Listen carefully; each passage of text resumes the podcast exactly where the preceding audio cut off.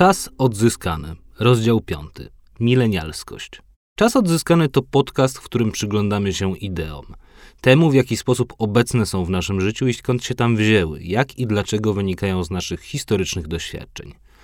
Pretekstem do każdego spotkania jest kultura, film, serial lub książka, które ostatnio ujrzały światło dzienne. W tym odcinku książka ta to Gdzie jesteś, piękny świecie, irlandzkiej powieściopisarki Sally Rooney, na polski przełożona przez Jerzego Kozłowskiego i wydana przez wydawnictwo WAB. Książka jest nieodmiennie związana z osobą autorki. Urodzona w 1991 roku Irlandka sławę zdobyła takimi powieściami jak Rozmowy z przyjaciółmi i Normalni ludzie, którzy później zostali zaadaptowani na serial przez stację HBO. Została określona jako Salinger epoki Snapchata i właściwie pierwsza wielka milenialska pisarka. Taka, która przyniosła na kartę książek doświadczenie u ludzi urodzonych w okolicy roku 89, ostatniego pokolenia, które wychowywało się w dzieciństwie i wczesnej nastoletniości bez internetu. Potem zaś jako pierwsze weszło w jego świat, tworząc, a przede wszystkim zdobywając media społecznościowe to milenialsi, a właściwie to my, bo mówię to jako człowiek urodzony w roku 92, byliśmy tymi, którzy przybyli na Facebooka, gdy ten był jeszcze ziemią niczyją, którzy udostępniali pierwsze fotografie na Instagramie, którzy wysyłali pierwsze tweety, którzy jako pierwsi stwierdzali, że nie rozumieją takich aplikacji jak TikTok. No właśnie, czy to jest wszystko, co nas definiuje? Czy tylko mierzony co do dnia i godziny moment dołączenia do tego czy innego medium jest tym, co pozwala nam stwierdzić, kim właściwie jesteśmy. Czy są to tylko znaczone opaski z openerów i nowych horyzontów, wspomnienia pierwszych iPhone'ów i tego, jak różniły się od telefonów z klapką? Jak zdefiniować to pokolenie, nie popadając w nieuchronny i głupi sentyment? Rozmowa o tym w roku 2022 jest tym bardziej istotna, że to już nie milenialci są generacją, która cieszy się największym zainteresowaniem dyskursu. Owszem, kiedyś to oni byli oskarżani o to, że zajmują się wyłącznie jedzeniem tostów z awokado i piciem sojowej latte, czego przynajmniej wypowiadający te słowa nigdy nie uczynił. Kiedyś to o nich mówiono i pisano, że są pierwszym pokoleniem tego i owego. Kiedyś to o nich twierdzono, że rujnują kolejne sektory gospodarki, nie chcą wchodzić w związki małżeńskie i kupować mieszkań, bo wolą je wynajmować, że wiecznie siedzą z nosem w telefonach i tak dalej, i tak dalej. W roku 2022 milenialsi spostrzegli, że nie są już the youngest person in the room. Wejście do centrum dyskursu pokolenia Z generacji, która jest nieznacznie od najmłodszych milenialsów młodsza, ale jednoznacznie od nich inna, każe zadać pytanie, kim są ci, którzy jeszcze niedawno znajdowali się w centrum światowego zainteresowania. Wciąż jeszcze młodzi, bo zbliżający się do trzydziestki albo niedługo po jej przekroczeniu, milenialsi są w wieku, w którym nagle zauważyli, że już nie wszystkie drogi życia są przed nimi otwarte w którym spostrzegli, że świadomie lub nie, zdążyli zapuścić korzenie i osunąć się w to, przed czym, według wielu ich niegdysiejszych krytyków, uciekali, czyli w stałość i w uporządkowanie. W którym priorytety, co do których jeszcze kilka lat temu uważali, że będą wieczne, uległy często całkowitej zmianie. Mają za sobą poobijane życie uczuciowe i finansowe, mają za sobą traumy. Często doświadczyli już śmierci nie ludzi wielokrotnie starszych, ale tych, którzy mieli tyle lat co oni i z którymi zdążyli się zaprzyjaźnić. Dzięki tym śmierciom, albo nawet bez nich, zdążyli, zdążyliśmy zrozumieć, że sami są, sami jesteśmy śmiertelni. Kto miał zrobić jako wunderkind wielką karierę, już ją zrobił. Kto miał w bardzo młodym wieku zrobić gigantyczne pieniądze, już je zarobił. Kto miał rozmnożyć się, nim sam został w pełni dorosły, też już to uczynił. No właśnie, dorosłość. Od czego ona się właściwie zaczyna? Główna bohaterka nowej powieści Runej, Alice, starsza o kilka lat od Connella i Marianne z normalnych ludzi, niby dorosła jest. To pisarka, młoda gwiazda anglosaskiej literatury, trudno nie dostrzec w tym wątku autobiograficznego, która nagle znalazła się na życiowym rozstaju. Jej nigdysiejsza przyjaciółka jest w o wiele gorszej sytuacji, i miłosnej, i finansowej. Nigdysiejszy przyjaciel również. Oboje biorą się za bary z życiem, podczas gdy Alice wyprowadza się na irlandzką prowincję, tam starając się znaleźć jego sens. Pozbawiona trosk materialnych stara się pisać, romansuje z miejscowym chłopakiem. Coraz głośniej i głośniej pyta, czy to wszystko, co ją spotkało, sprawy niesamowite i godne pozazdroszczenia, faktycznie są tym wszystkim, co ją spotka. Gdzie jesteś, piękny świecie? Tytułowe pytanie to pytanie, które zadaje sobie wielu milenialsów, którzy nagle zrozumieli, że to, co osiągnęli, jest faktycznie wszystkim, co ich spotka w ich biografiach, albo prawie wszystkim, bo to, co nastąpi dalej, będzie wyłącznie przypisami do wczesnej młodości. Jak w takich okolicznościach chcieć chłonąć świat i się nim cieszyć? Jak mieć apetyt na to, co przyjdzie dalej? I, co najważniejsze, czy to, że to faktycznie wszystko można zmienić? O tym porozmawiam z moimi gośćmi, Maciejem Marciszem i Oliwią Bosątwe. Marcisz jako pierwszy polski prozaik podjął próbę opowiedzenia milenialskiego doświadczenia. Wpierw w taśmach rodzinnych z 2019 roku, a w 2021 w książce o przyjaźni. Jego bohaterowie są tacy jak wielu z nas milenialsów w środku. Niespełnieni, mimo pozornego, a nawet obiektywnego spełnienia. Powoli zauważający, że zaczęli się starzeć, co nie jest mierzone wyłącznie tym, jak długo trwa ból pleców przy wstawaniu z łóżka. Jeśli mieli nadzieję na wielkie kariery, już się z nimi pożegnali. Jeżeli mieli nadzieję na wielkie miłości, wciąż na nie czekają, acz z coraz mniejszym przekonaniem. Oliwia Bosątwe jest z kolei redaktorką naczelną pierwszego polskiego serwisu internetowego, który był pomyślany jako serwis stricte dla milenialsów, noise.pl. Jakie doświadczenia wpłynęły na to, w jaki sposób nim kieruje? Jako kogo widzi swojego odbiorcę? I wreszcie, co tego odbiorcę interesuje i jak go określić? Jakimi punktami przełomowymi? Jak treści dla niego różnią się od treści dla starszych i młodszych pokoleń? Przed Państwem, przed Wami, przed nami odpowiedzi na te pytania.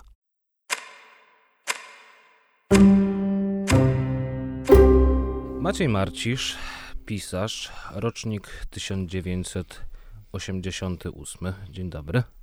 Dzień dobry. Jak tam jest po takiej drugiej stronie, że tak wyrażę?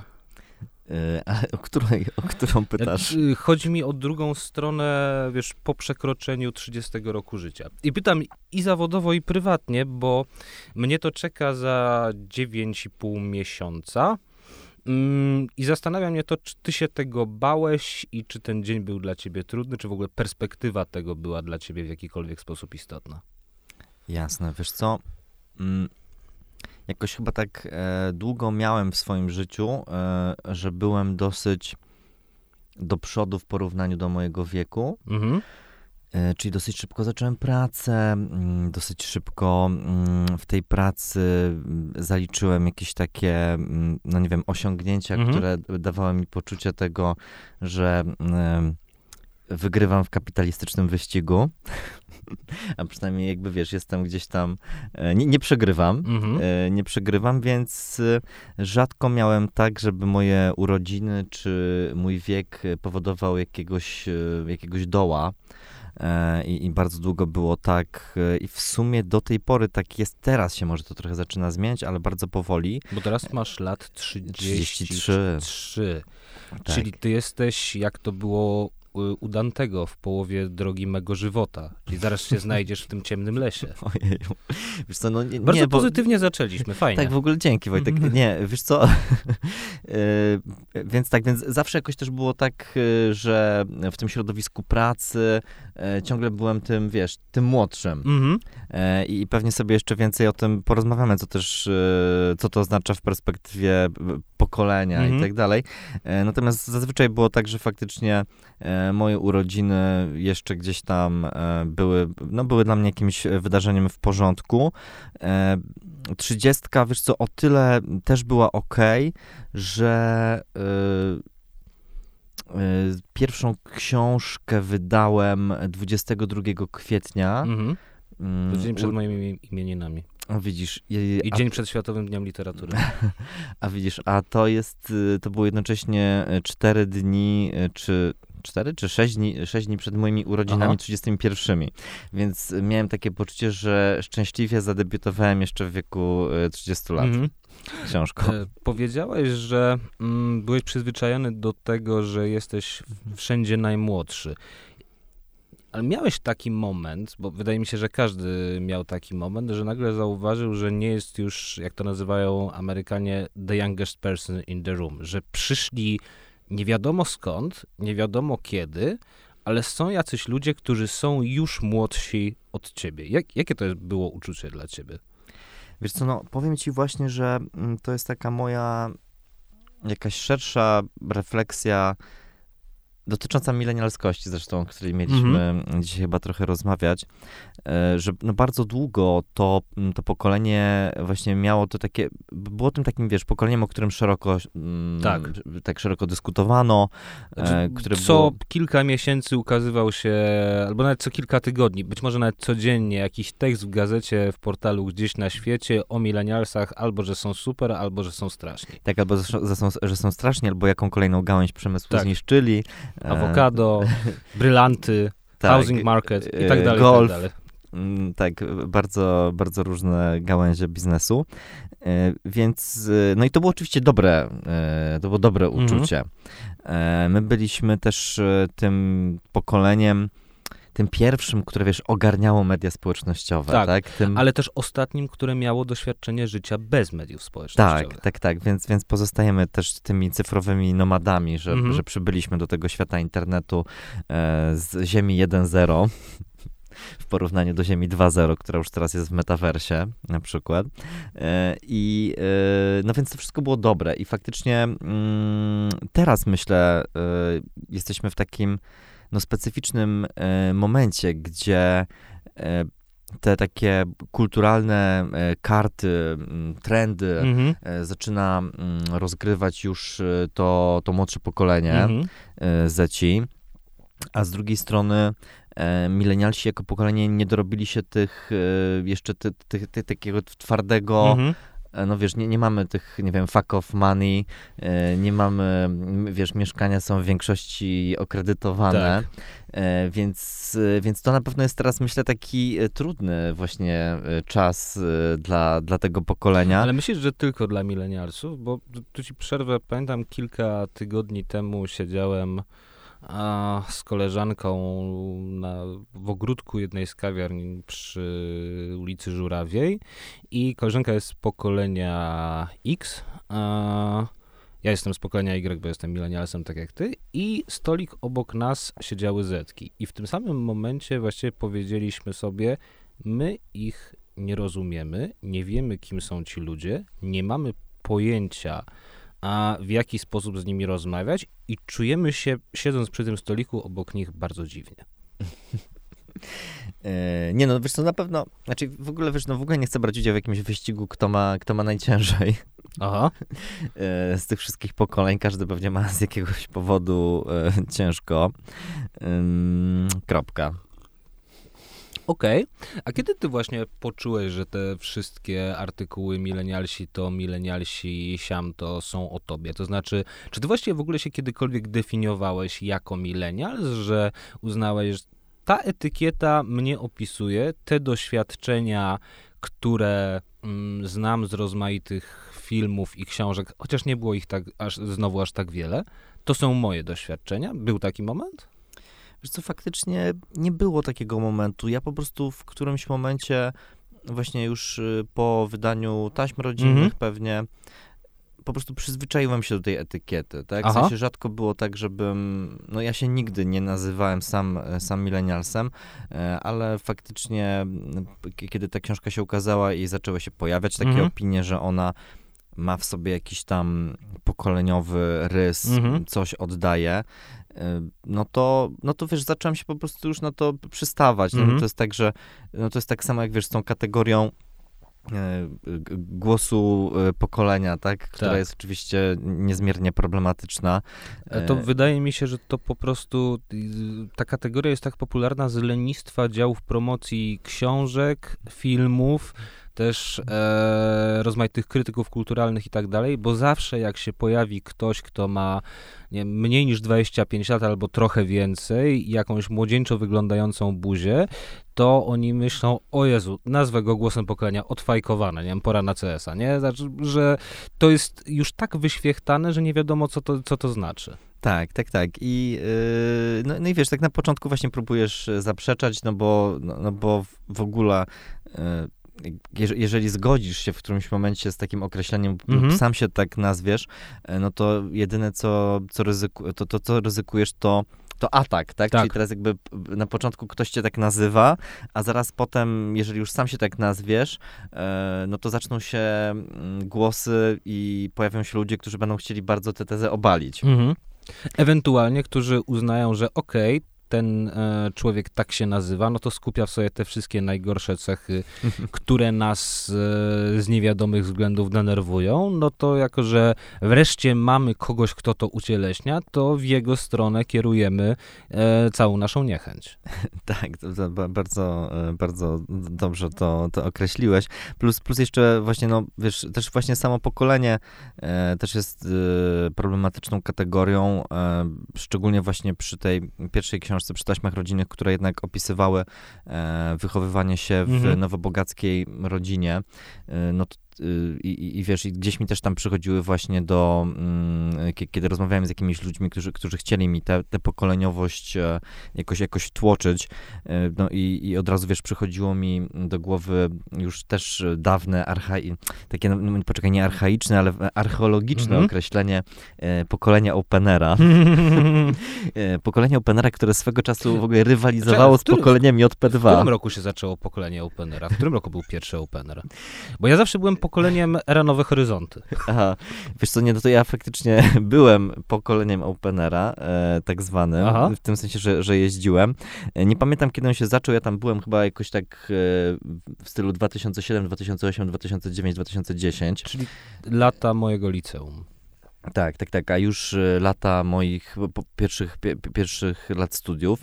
E, No i oczywiście w tych różnych zabawnych artykułach właśnie dotyczących rywalizacji pokolenia e, Openera i pokolenia JP2, e, bo wtedy w ogóle też był ten taki moment, kiedy Bronisław Komorowski e, Co kandydował... zrobił Bronisław Komorowski? No słuchaj, Bronisław Komorowski kandydował wtedy na prezydenta, W roku 2010. tak? No tak, no bo wcześniej był prezydent Lech To Kaczyński. dobrze, że znasz, dobrze, że się zna- Wiadomo, co się Dob- zdarzyło okej. i potem... To dobrze, że się mm, znasz na datach. Jego następca. I e, była właśnie taka, taka scena, znaczy ja brałem, faktycznie czułem wtedy, że biorę udział w jakimś historycznym wydarzeniu, ponieważ... E, Chciałbym, żebyś to powiedział wyborczy. głośno. Głosując w wyborach, w których kandydował Bronisław Komorowski, Maciej Marcisz czuł, że bierze udział w historycznym zdarzeniu. Słuchaj, ty się postaw obok tych dzieciaków z 68, z Maja, z Paryża, obok e, e, ludzi z, z, Polski z 89, ty to przeżyłeś w 2010. ja, ja w ogóle czułem, że ta rozmowa jest niesamowicie niebezpieczna. Dlaczego? Ja się świetnie bawię. W przeciwieństwie do ciebie chyba, no ale Nie, ale posłuchaj, dokończę. no. I na tym openerze, e, na którym właśnie byłem w 2010, był również punkt wyborczy. Okej. I właśnie głosowało się, będąc na tym openerze, Mhm. a media tworzyły właśnie wtedy taką narrację, że oto to pokolenie Openera z pokoleniem JP2 e, właśnie no, mierzy się w tych wyborach i zobaczymy, które to młode pokolenie wygra. A przepraszam, ale a gdzie pokolenie JP2 miało swój punkt wyborczy? Wtedy były jakieś Światowe Dni Młodzieży, czy Nie coś wiem, takiego? nie, wiem, nie, wiadomo, wiem, nie okej. interesowałem się. I mm, no i w każdym razie, wiesz, mówiąc właśnie chociażby o takim pokoleniu, no oczywiście zupełnie e, zupełnie e, pomija się właśnie ten aspekt klasowy, tak? Tego, że Mhm. żeby e, być na tym openerze, to, to nie trzeba mieć tylko określoną e, ilość lat, e, trzeba mieć odpowiednią ilość pieniędzy. A właściwie rodziców z odpowiednią Tak. ilością pieniędzy, jako że jeździsz tam jako osoba, która tak. nawet jeśli zarabia, to nie zarabia jeszcze wystarczająco wiele, żeby sobie samemu to sfinansować. E, Dokładnie, no więc, e, no więc to też wydaje mi się takie bardzo, no, Mhm. no, no grząskie. Okej, bo mm, zacząłem od tej trzydziestki, ponieważ kiedy czytałem twoją e, nową powieść, książkę o przyjaźni, ale też kiedy czytałem e, ukazującą się teraz e, w Polsce nową powieść Sali Runej, e, Gdzie jesteś piękny świecie, to miałem właśnie wrażenie, że czytam e, książki mniej więcej o tym samym, czyli o takim wielkim zawodzie, wielkim niespełnieniu, o tym, że dawno, dawno, dawno, dawno temu dano właśnie nam milenialsom jakąś obietnicę wielkiego i pięknego życia, życia, które będzie coś znaczyło, No i znajdujemy się już a, w tym wieku lat 30 czy 30 kilku. W każdym razie w takim, że możemy spojrzeć dekadę za siebie i nie widzimy dziecka, ale widzimy człowieka dorosłego, mniej lub bardziej. No i zadajemy właśnie to tytułowe pytanie Runej. Gdzie jesteś, piękny świecie? Ty masz takie poczucie zawodu? Wiesz co, kurczę, to jest mocne pytanie. Ja mogę ci powiedzieć, że ja na przykład mam. Tylko ja to nazywam, to jeszcze tylko dopowiem, ja nazywam e, ten zawód tak z, m, na własny użytek syndromem Claire Underwood e, z House of Cards. Aha. To znaczy syndromem kobiety, która właśnie weszła do Białego Domu, spełniła się cała jej ścieżka życiowa, o którą sobie wymarzyła jako mała dziewczynka, rozgląda się po tym Białym Domu i tak się pyta, ale to wszystko? Znaczy, to jest tylko to? Co, co jeszcze może być? Znaczy powiem ci tak, że na pewno właśnie to pytanie, czy to jest to wszystko, co jeszcze może być i czy właśnie, czy, czy tak właśnie wygląda życie, mm, no to jest na pewno e, takie pytanie, które widzę dookoła siebie. Mhm. E, wie- więc na pewno tym takim e, poczuciem e, wśród moich e, przyjaciół, znajomych e, jakoś na, nasiąg, nasiąknąłem i, i starałem, się je, starałem się je oddać. Mhm. Em, no i teraz, wiesz, no zastanawiam się, zastanawiam się gdzieś tam skąd się to bierze, no bo na tym takim, w tym takim szerszym obrazie to, to myślę, że to na pewno ma związek z, z tym, że tak zwani nasi rodzice, Mhm. e, nasi, na, nasi rodzice wychowali nas e, właśnie w e, takim neoliberalnym no, micie, którym, w który bardzo, bardzo wierzyli i nie mam żadnych pretensji Mhm. do nich, że, że w niego wierzyli, bo, bo wtedy w tamtym momencie historycznym e, wydaje mi się, że to po prostu trudno było w niego nie uwierzyć.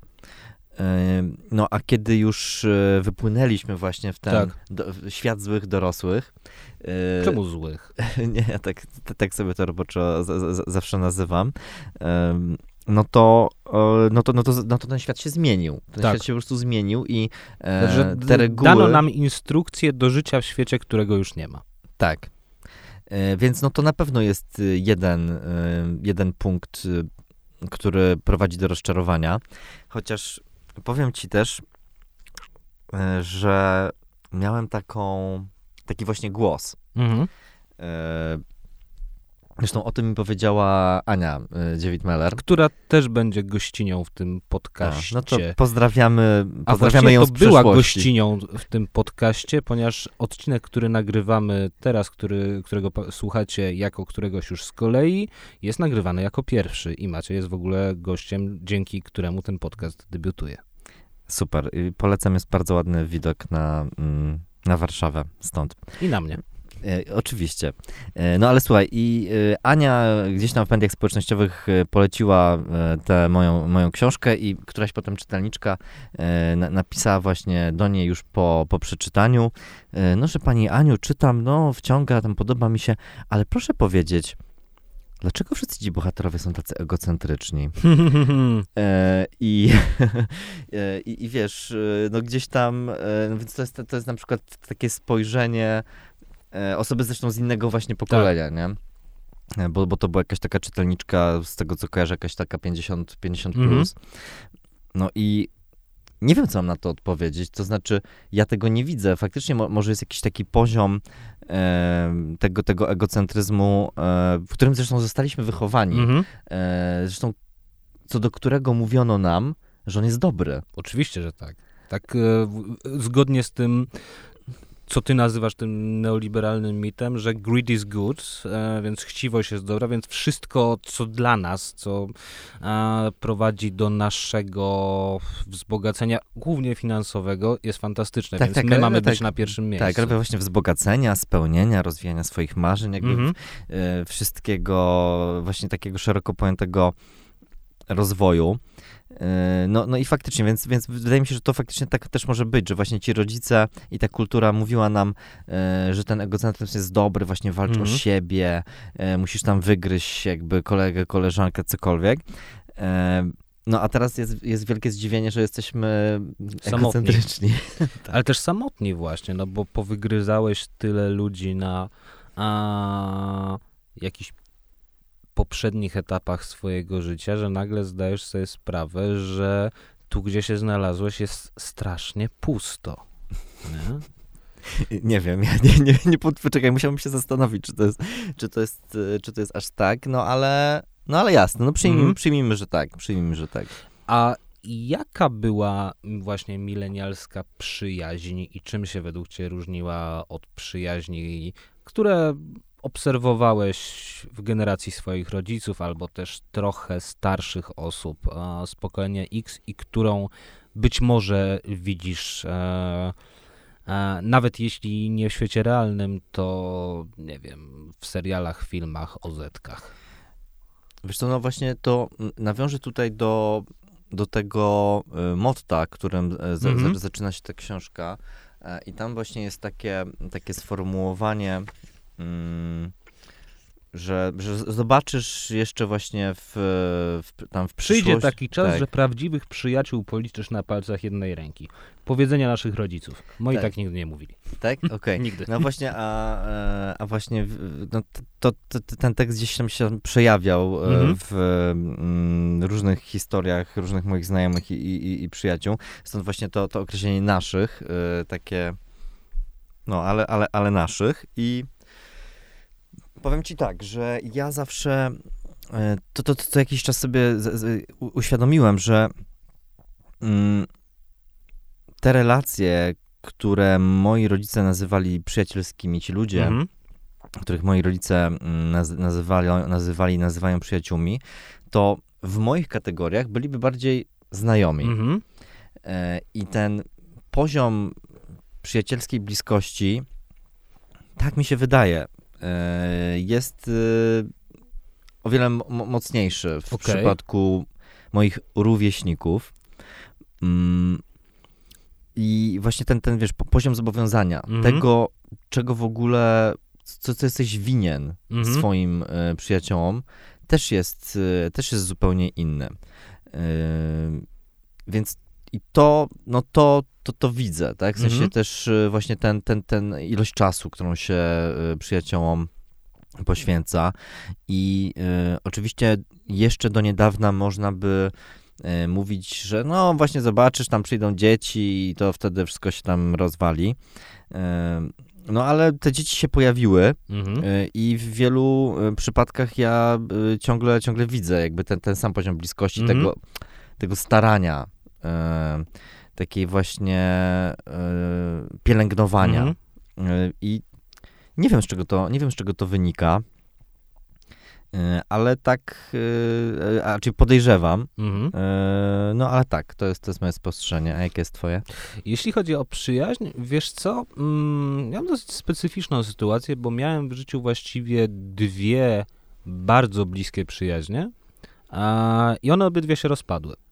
E, jedna się rozpadła w 2014 roku, mm, kiedy po prostu ja wchodziłem na nowy etap życia, mm, przede wszystkim zawodowego, bo zacząłem wtedy, zacząłem wtedy regularnie już publikować jakoś, e, wyszła moja pierwsza książka, stałem się jakimś nazwijmy roboczo aktorem dyskursu, nie? I osoba, z którą się przyjaźniłem właśnie od drugiej liceum, chyba jakoś nie mogła tego zaakceptować i a do dzisiaj zresztą pamiętam, w jaki sposób ta przyjaźń się rozpadła, bo rozpadła się mm, równo jednym telefonem i to, wiesz, pięć lat w ten, czy nawet sześć w ten sposób a, zakończone, że jednym telefonem, który został przeze mnie nieodebrany, ja właściwie nigdy nie odzwoniłem i ta osoba też nigdy więcej do mnie a, nie zadzwoniła, a nigdy nie odzwoniłem, dlatego że właśnie byłem w pędzie zawodowym, bo jechałem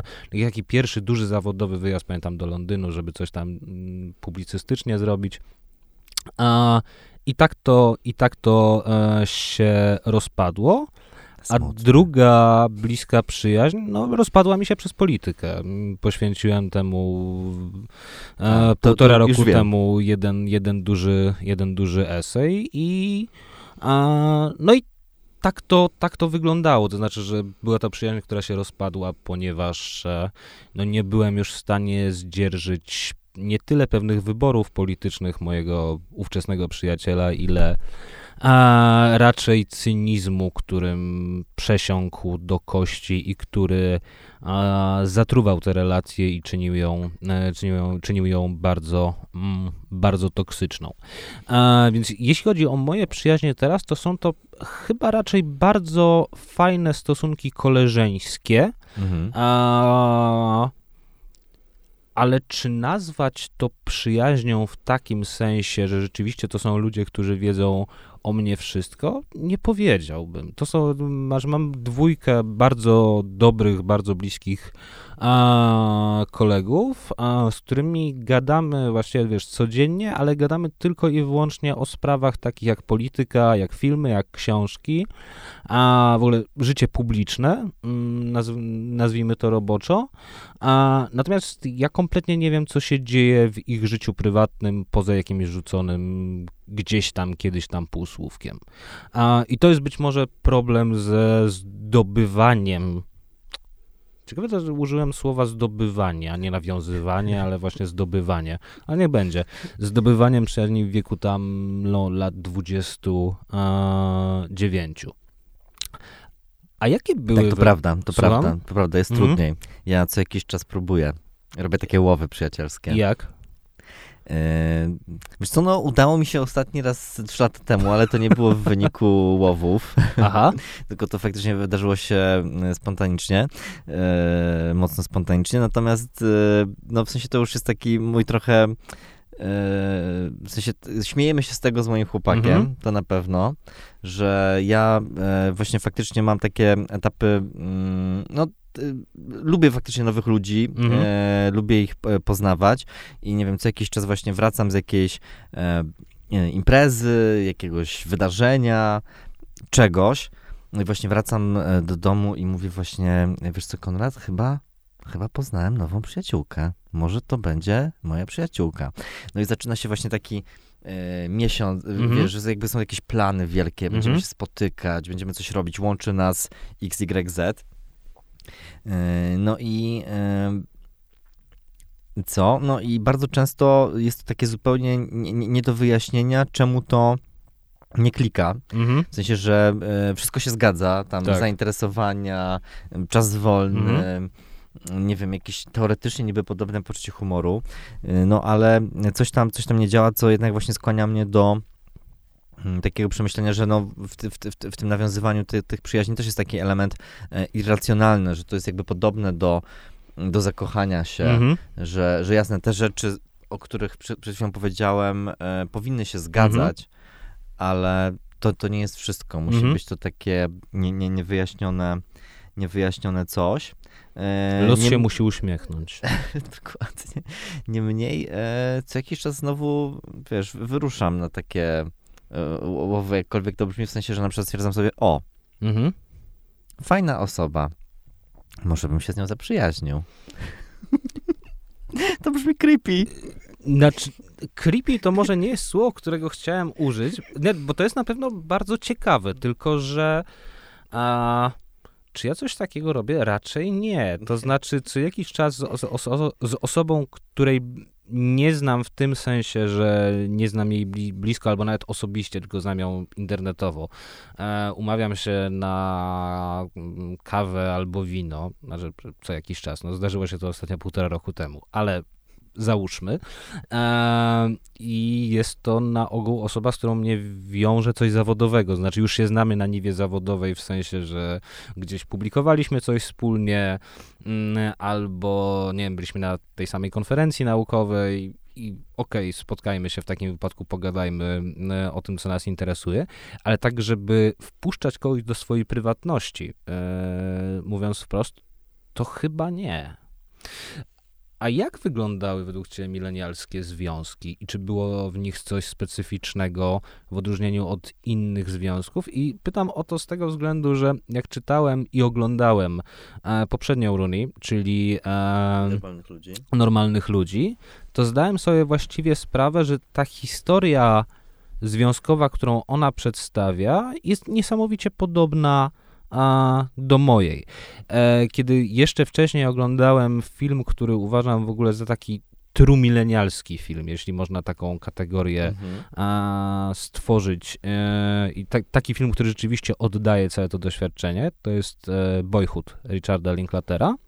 A, to też widziałem mniej więcej swoją historię e, związkową w e, no, krótkiej wtedy, bo to od sam, sam doras, dzieciństwie i dorastaniu, ale w historii, w historii tego, mm, tego chłopaka.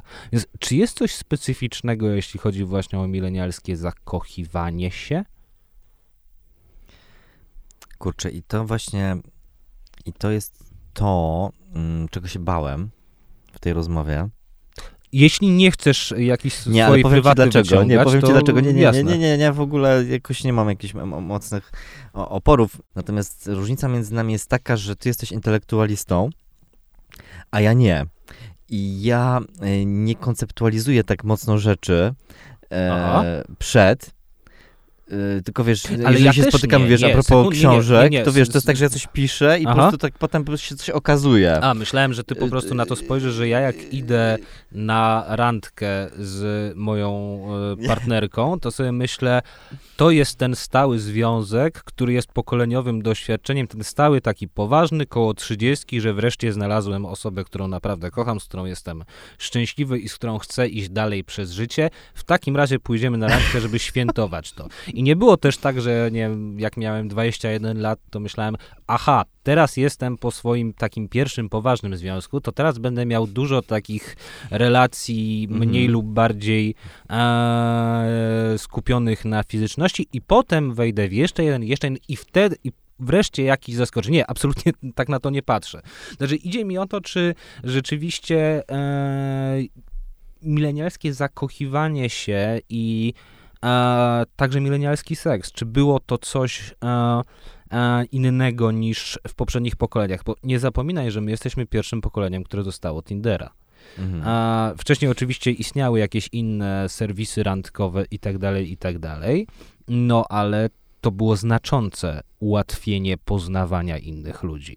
E, także my jesteśmy pierwszym pokoleniem, w e, którym no, Instagram się stał taką, powiedziałbym, tablicą z erotycznymi ogłoszeniami, bo on przez pewien czas tym był, no teraz się zmienił w jakąś tablicę z ogłoszeniami politycznymi, a erotyczne są pewnie, pewnie gdzie indziej.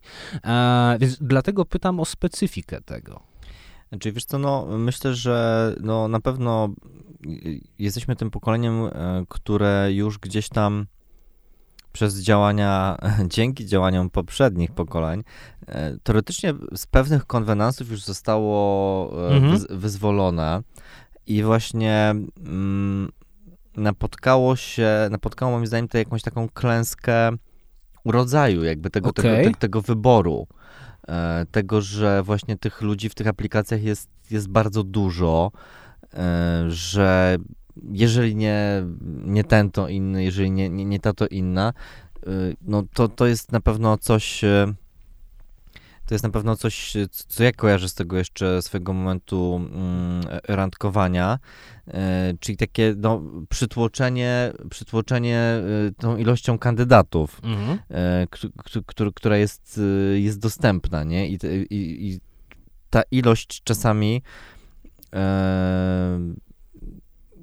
tro, trochę moim zdaniem może de- de- demotywować e, do jakiejś e, pracy Mhm. e, nad, nie wiem, nad relacją, która powstaje, ale nie mam tego tak zbyt mocno przemyślanego i bardzo boję się wejść w jakiś taki poziom refleksji, Mhm. wiesz, pokolenia IKEA. Więc Właśnie miałem ba- nadzieję, ba- bardzo, że, bardzo ta, nie chcę być że ten takim. tytuł tutaj nie padnie. Bardzo nie chcę być kimś E, takim. chyba, że odnosząc się do. Bo są jeszcze pewnie jakieś milenialskie meble. Wiesz, regał bili w każdej chwili, nie? No, Co- coś takiego. Zdecydowanie, no ale właśnie wiesz, wiem, wiem, że tymi relacjami właśnie się mocno na przykład zajmuje to pokolenie IKEA Mhm. w jakiś taki sposób. E, no nie wiem, który mi do końca nie, nie, nie pasuje mi ten poziom refleksji. E, Bardzo to ładnie ująłeś. I e, Będę te, tego od teraz używał. Jak to ci się podobało? Nie pasuje mi ten poziom refleksji. E, I, I wiesz co, tak e, rozważam właśnie e, pisanie trzeciej książki, w której właśnie bardziej chciałem się, mhm. z, się zgłębić w, w relacje romantyczne. Także słuchaj, nie mam jeszcze myśli na ten temat. Okej. Okay. Tak dokładnie wypracowanych. Dobrze, to jak już będziesz miał, to, to, to, to, dawaj, to dawaj znać. Znaczy, mnie to ciekawi, bo rzeczywiście, jak mówiłeś o tej klęsce urodzaju, to, to jest też moje doświadczenie. To znaczy, że i miałem ja ten urodzaj przed sobą i sam byłem w jakiś sposób tym urodzajem. Znaczy, tak. e, do dziś pamiętam, jak któregoś wieczora 7 czy 8 lat temu e, nagle trafiłem do pewnego mieszkania, do którego już nigdy w życiu miałem więcej nie trafić i zrozumiałem po trzech minutach rozmowy, że ja właściwie jestem drugim wyborem na ten wieczór, że pewnie pierwszy wybór e, nie dał rady, czy coś, nie wiem, zatrzymali go w pracy, a jest jeszcze pewnie 5, 6, 7 innych wyborów za mną. Ale zrozumiałem to też, jak e, w pewnym momencie korespondowałem właśnie w celach randkowych z paroma osobami, że ja to zaczynam traktować, wiesz, jako zadanie, że Jezu, jeszcze tej trzeba odpisać, jeszcze tej, jeszcze siam tej. Chryste, Panie, dajcie, dajcie mi spokój, ja chcę się zamknąć wieczorem w domu, nie wiem, włączyć sobie jazz, e, nalać whisky i poczytać książkę, tak? E, I, i, I że ten urodzaj rzeczywiście, rzeczywiście e, bywa, bywa dosyć obezwładniający. A bo mówimy teraz o tym, jak to wygląda tak z wewnątrz, to znaczy z bycia już tym milenialskim trzydziestolatkiem. A powiedz mi, jakiego siebie ty sobie wyobrażałeś trzydziestoletniego dawno, dawno temu? Jako 18, 18-letni Maciej Marcisz myśli o sobie 30-letnim, zakładając, że myśli, że będzie żył cały czas. E, jak ty wyglądałeś w tym wyobrażeniu? Słuchaj, to powiem ci tylko jedno, jedno wyobrażenie, jakie pamiętam z tego, z tego momentu. E, e, bardzo doskonale pamiętam, e, że już wtedy interesowałem się książkami. Mhm.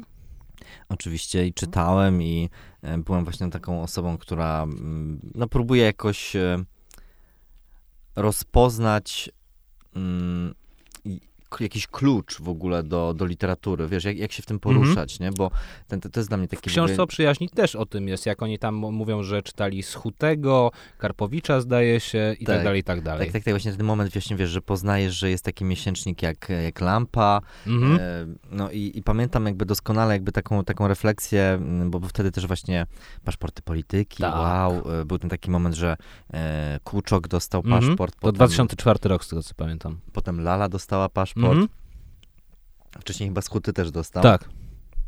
I pamiętam taką mocną refleksję e, wtedy swoją, że kurczę, jak, jak już kiedyś napiszę książkę, to chciałbym, żeby wydało ją wydawnictwo WAB, bo to jest takie dobre wydawnictwo.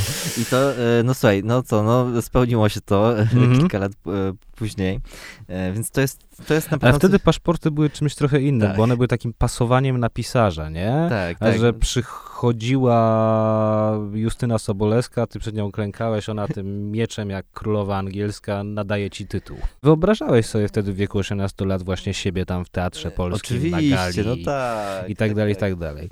Tak. E, no, no dobra. I wiesz, no i wiesz, no i mhm. też, no i w końcu też, jako, jako że pracuję, pracuję w wydawnictwie, no to, e, to, to w końcu tam gdzieś trafiłem do tego mhm. teatru. Oczywiście to nie jest tak, że to było jakieś moje największe... nie było. A, no, co. A, no więc...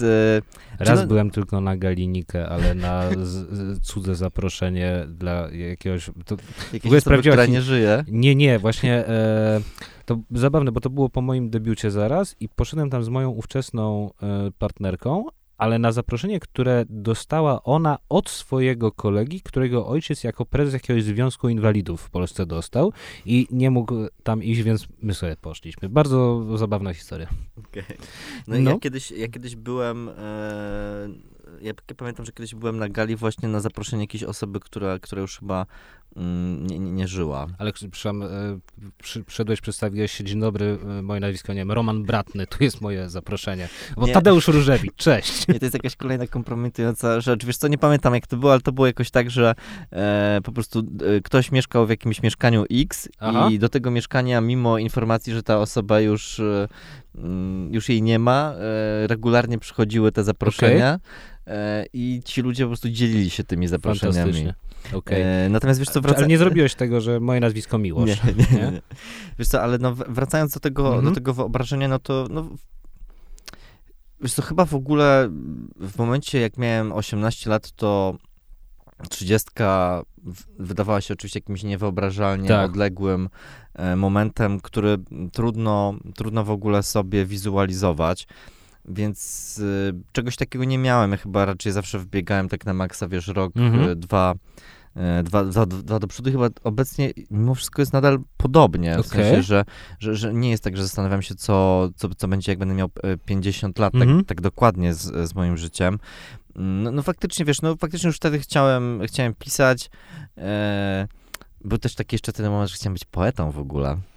E, I mój... Ja też tak miałem. Ale no wiesz, Wcześniej, jak miałem tak lat 15, Tak, wiesz, 16. No dokładnie, to jest taki jeszcze ten nastoletni moment, że to, to bywa e, typowe. Mhm. Jest, jest Ja miałem nawet bloga, na którym swoje wiersze publikowałem. A no widzisz, Znaczy ja... ten blog chyba pewnie gdzieś cały czas w internecie jest, bo ja nie kasowałem go, nigdy po prostu zap- zapomniałem jak się nazywał. A, no to musisz odnaleźć. Znaczy ja, no ja właśnie, wiesz, pisałem wiersze, tam jakieś zdobywałem nagrody, Mhm. wiesz, wyróżnienia, wiesz, no.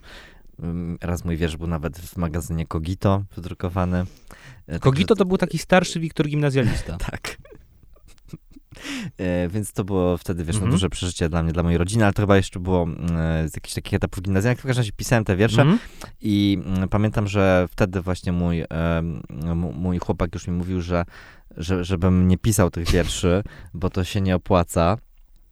I, I że po prostu, no, po prostu nie będę, nie, nie, nie, Mhm. przeżyję za to. I kupił mi repetytorium do biologii i kazał mi się właśnie uczyć biologii. Ładna scena. Znaczy, gdybyś to opisał, to ja bym w to nie uwierzył. E, Tak. Że uznałbym, że jest to tak zupełnie od czapy, że nie mogło się zdarzyć, ale tak opowiedziane e, to kupuję. Słuchaj, a to będzie teraz pytanie z gatunku trudnych, ale Aha. możesz na nie odpowiedzieć tak lub nie. Aha. Czy ty się uważasz za osobę dorosłą? Wiesz co, mam... e, Nie, nie, nie. Tak albo nie. A, po prostu tak albo nie. Tak, a potem uzasadnij. Nie, no tak, tak, Mhm. tak. Uważam się za osobę dorosłą, jasne. I kiedy to się zdarzyło? W sensie, kiedy rzeczywiście a, zrozumiałeś, że, że jesteś dorosły? Ja mogę ci powiedzieć, kiedy to się u mnie zdarzyło. To znaczy, kiedy a, nagle, nie planując tego, tylko na skutek splotu bardzo fajnych zawodowych okoliczności, zacząłem mieć poduszkę finansową na koncie i zacząłem mieć dosyć duże oszczędności, które, co do których wiem, że no właściwie jestem zabezpieczony, że nawet, nie wiem, jeżeli przez pół roku nie, nie będę miał zleceń, zwolnią mnie z uniwersytetu, to nic mi się nie stanie, a nawet rok, albo nawet półtora. I wtedy zrozumiałem, że okej, już przeszedłem tę a, granicę z życia, powiedzmy mniej lub bardziej a, miesiąc do miesiąca, nawet za bardzo fajne kwoty fin- finansowe, ale jednak miesiąc do miesiąca, tylko rzeczywiście już jakoś się umościłem w życiu. Mhm. Wiesz co, no ja chyba poczułem się do... Poczułem tę dorosłość yy, właśnie wtedy, kiedy zacząłem zauważyć, że, yy, że inni są dziećmi. To znaczy na pewno, Mhm. wiesz, takim momentem poczucia bycia dorosłym, no mocnym jest, by- było wtedy, kiedy e, moje, mm, e, moje rodzeństwo zaczęło, Mhm. mieć, zaczęło mieć dzieci, mm, zresztą młodsze rodzeństwo. I wiesz, stałem się, na przykład stałem się tym wujkiem. Mhm. No i to też już jest takie właśnie moim zdaniem trochę pasowanie na, na dorosłego, że po prostu im więcej myślę ludzi y, dookoła jakby Mhm. y, po prostu po, postrzega cię jako dorosłego, widzi cię jako Mhm. osobę właśnie starszą o, o, o, od siebie i jakby działa, działa y, wobec ciebie y, w takiej, w takiej relacji. Mhm. E, Więc, więc myślę, że właśnie- to, to zresztą jest chyba zdanie, które, gdzieś tam zapisałem w książce, że, że, że dla mnie właśnie mm, by, bycie dorosłym zaczyna się wtedy, kiedy myślisz o kimś innym, że jest dzieckiem. Tak, to prawda. E, I, i To- to po prostu mhm. ty, tyle, tyle wystarcza. To jeszcze kiedyś mi moja e, koleżanka mm, powiedziała, że e, zrozumiała, że jest dorosła, kiedy zaczęli się pojawiać wokół niej e, młodsi mężczyźni, którzy już byli interesujący, już było w nich coś ciekawego, coś takiego, co sprawiało, że chce się z nimi umówić, a zawsze gustowała w starszych partnerach i wtedy nagle zrozumiała, okej, ja już przeszłam pewną, pewną granicę. Do czego ty z milenialskiej przeszłości wracasz? Mam wrażenie, że też jesteśmy jakąś generacją, która może no, dzięki instrumentom, które mamy, wracać do rzeczy, które oglądaliśmy i czytaliśmy dawno temu, albo też one są cały czas wokół e, nas obecne. No, przykład pierwszy z brzegu z 1 e, stycznia tego roku, czyli to, że można było, wiesz, e, dwudziestolecie Harry'ego Pottera, który też jest typowo milenialskim przecież doświadczeniem. Dla mnie jest doświadczeniem o tyle szczególnym, że mi wypełnił całe dorastanie, bo pierwszą książkę przeczytałem, mm, jak byłem w pierwszej klasie podstawówki, a na ostatni film poszedłem w dniu, w którym się dostałem do studia. A no widzisz, to wspaniale, mieliśmy bardzo podobnie. Ja miałem tak, że no, no, w sensie to nie była pierwsza podstawka, kiedy mhm. czytałem, no bo jest między nami różnica wieku. Natomiast y, czytałem y, Insygnia Śmierci y, w oryginale. Aha. Ja też. znaczy nie, żeby to... Nie no, znam języki. Daj ja, Żartuję oczywiście. No. Tak, tak, ale czytałem Insygnia Śmierci właśnie jeszcze przed polską premierą, ale już było i kupiłem sobie tę książkę jako nagrodę za napisaną maturę. Okej. Okay. Czyli, czyli, wiesz, czyli właśnie podobnie. I, e, I pamiętam, że już jechałem na te wakacje po, po mhm. tej e, napisanej e, maturze, właśnie trzymając to, to Deathly Hallows mhm. w ręku i też faktycznie skończyłem liceum wtedy, kiedy Harry skończył Hogwart. Więc, więc po prostu kończyliśmy szkołę w tym samym momencie. E, Jakie jeszcze właśnie takie milenialskie dzieła kultury. Wiesz co, no, Mogą być takie komprom także kompromitujące. Wiesz co, no na pewno... Na przykład na siłowni zawsze ćwiczę do Britney Spears, bo jest super rytmiczna i świetnie się do tego robi ergometr. Tak, wiesz co, no myślę, że w ogóle właśnie cała, e, cała muzyka e, tamtego momentu, e, wiesz, no dla mnie takim czymś bardzo mocno milenialskim jest tak zwana niezależna muzyka, Okay. Wiesz, całe to takie indie, mhm. e, różne takie e, piosenkarki, które... Takie Florence and the Machine? Tak, czy... Florence okay. and the Machine, no coś, co wiesz, no nie jest żadnym nie indie, słuchać, tak, ale, mówiąc, ale no. e, różne takie, wiesz, piosenki wykorzystywane w fajnych reklamach mhm. Apple. E, był taki moment, że e, Apple czy jakiś, no, no właśnie wypuszczał zawsze jakąś reklamę, e, wybierał do tego jakąś nieznaną, ale fajną piosenkę, która potem się stawała mhm. dzięki temu przebojem, wiesz, cała Faced. Mhm. E, nie mam pojęcia, o kim mówisz. One, two, three, four, tell me that you love me more. E, no nie, no nie możesz. No ale, no i więc na pewno, na pewno muzyka i do tego wracam mm -hmm. najczę najczęściej e, i no właśnie też dosyć milenialską rzeczą jest, jest mieć Last FM, mieć kiedyś konto mm -hmm. na Last FM. Nie miałem. Dla osób, które nie wiedzą, co to, co to jest, to jest taki, no taka nakładka na E, na, taki na Spotify komputer, dawno tak, temu. taki Spotify dawno temu, tylko że z niego nie słuchało się muzyki, tylko to, ta aplikacja po prostu e, zapisywała to, czego słuchasz mhm. e, i w ten sposób tworzyła taką dużą bazę dla twojego gustu okay. e, i potem podpowiadała, czego możesz jeszcze słuchać. E, no i również można było porównywać swój gust z innymi ludźmi, mhm. a to było bardzo ważne, że ta aplikacja też e, pokazywała, po prostu można było wejść na last.fm slash tam Maciek i można było zobaczyć, czy ja w tym momencie słucham muzyki. Więc tak jak był... dzisiaj to można zobaczyć. Tak, też. tak, więc mhm. był to taki fantastyczny e, no, narzędzie śledzenia -hmm. e, ludzi, których na przykład, którymi byliśmy zainteresowani. E, I próba Przecież ty podajesz definicję stalkingu w tym tak, momencie. Tak, tak, to jest, wiesz, to była próba, no ale wiesz, to była próba, no jakiś chłopak mi się podoba, albo wręcz trochę jestem z tym mm -hmm. chłopakiem, ale jesteśmy obecnie pokłóceni, no i wchodzę na STFM i patrzę, czy słucha takich mm -hmm. piosenek, że już ze mną zrywa ostatecznie, czy już, czy słucha takich piosenek, że za mną tęskni i, i wysyłało się w ten sposób e, różne sygnały różnym, różnym ludziom, no ale, ale I to jest coś takiego, że mam tam jakieś, wiesz, miałem cztery mhm. konta na Last.fm dopasowane do różnych etapów mojego życia, że właśnie, wiesz, zrywasz z jednym chłopakiem, nie chcesz już, żeby obserwował e, cię na laście, mhm. więc zakładasz inne, tajne konto. I na te konto na Last.fm e, co jakiś czas wchodzę e, i tam sobie sprawdzam, e, czego słuchałem, e, bo, bo tam są też takie rankingi, wiesz, ulubionych, ulubionych piosenek i, i wchodzę i no i słucham tej muzyki. Mhm.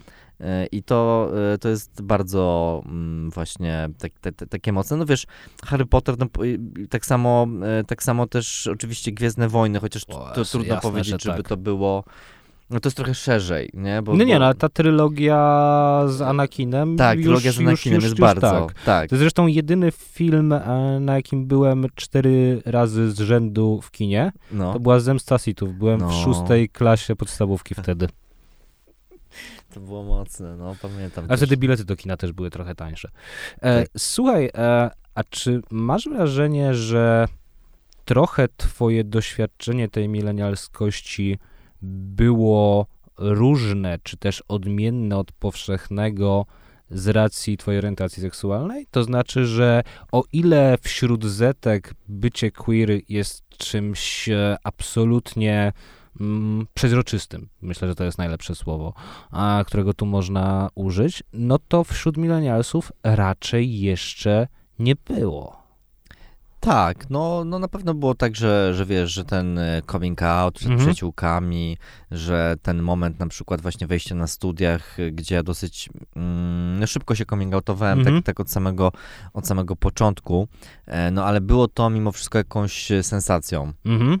Tak było to sensacją, to, że otwarcie do tego podchodziłem też, bo jak to na no, w sensie na, na, na tych studiach, y, na, na, na polonistyce czy e, w filmówce naturalnie było e, więcej gejów czy w ogóle osób mm-hmm. queerowych.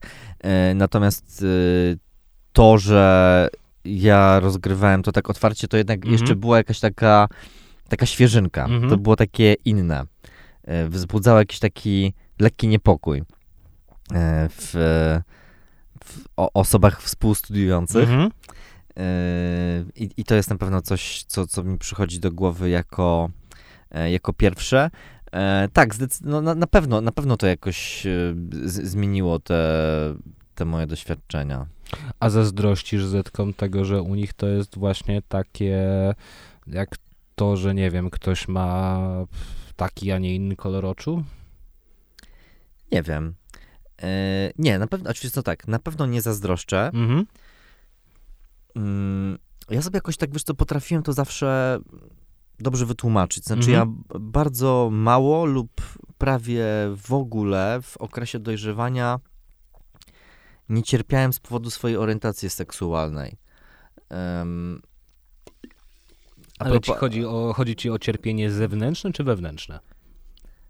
Właśnie jedno i drugie. Okay. Wiesz, y, tak a propos właśnie milenialskich milenialskiej kultury, to no, dla mnie oczywiście, jako dla dojrzewającego geja, też bardzo ważną tekstem kultury była Czarodziejka z Księżyca. Myślałem, że powiesz o Witkowskim, Michale.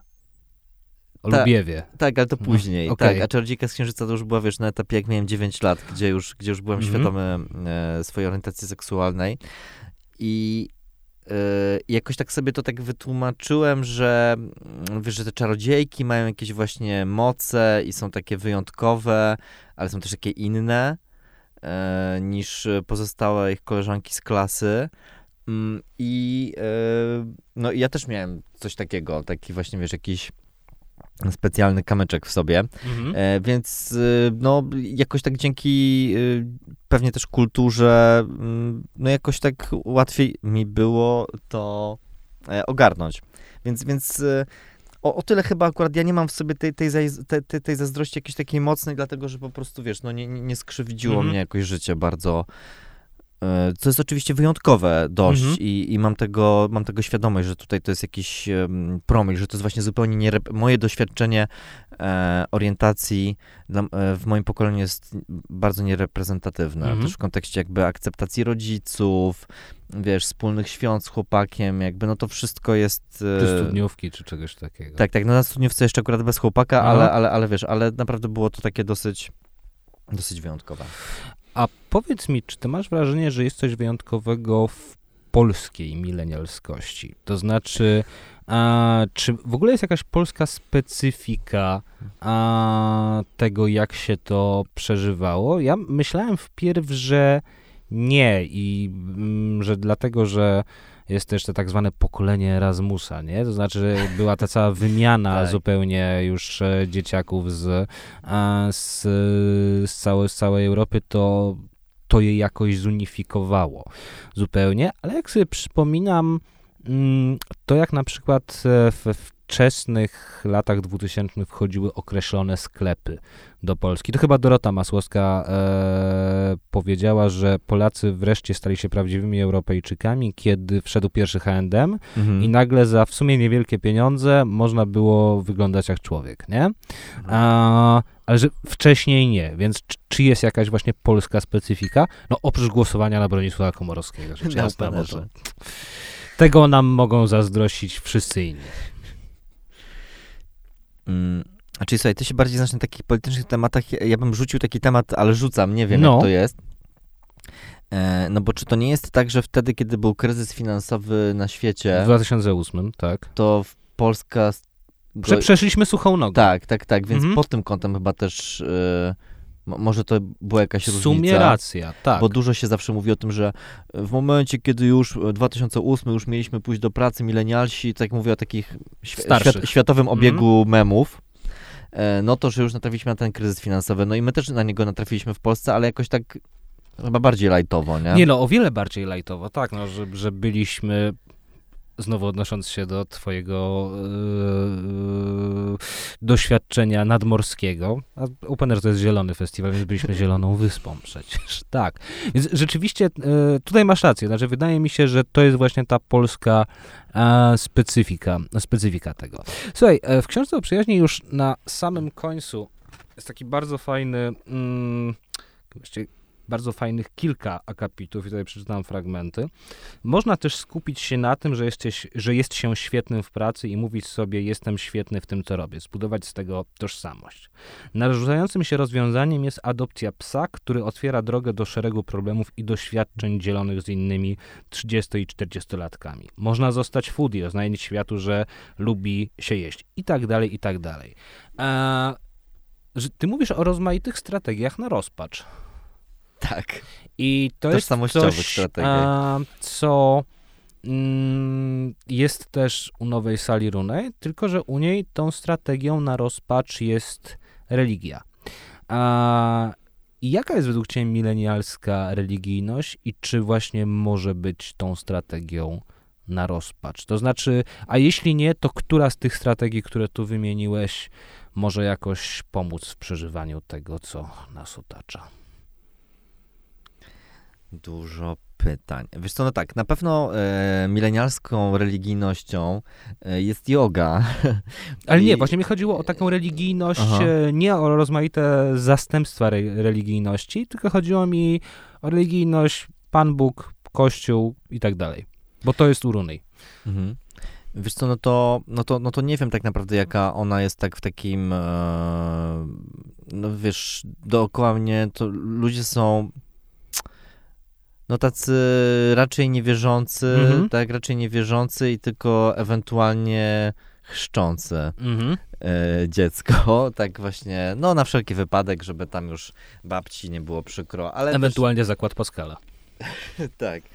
E, Tak, e, no więc ona jest chyba taka, taka dosyć niezde, niezdecydo, niezdecydowana, w sensie Mhm. nie ma w niej jeszcze takiej mm, jednoznaczności takiego hardkorowego ateizmu. Mhm. E, Takiego gimboateizmu w sumie.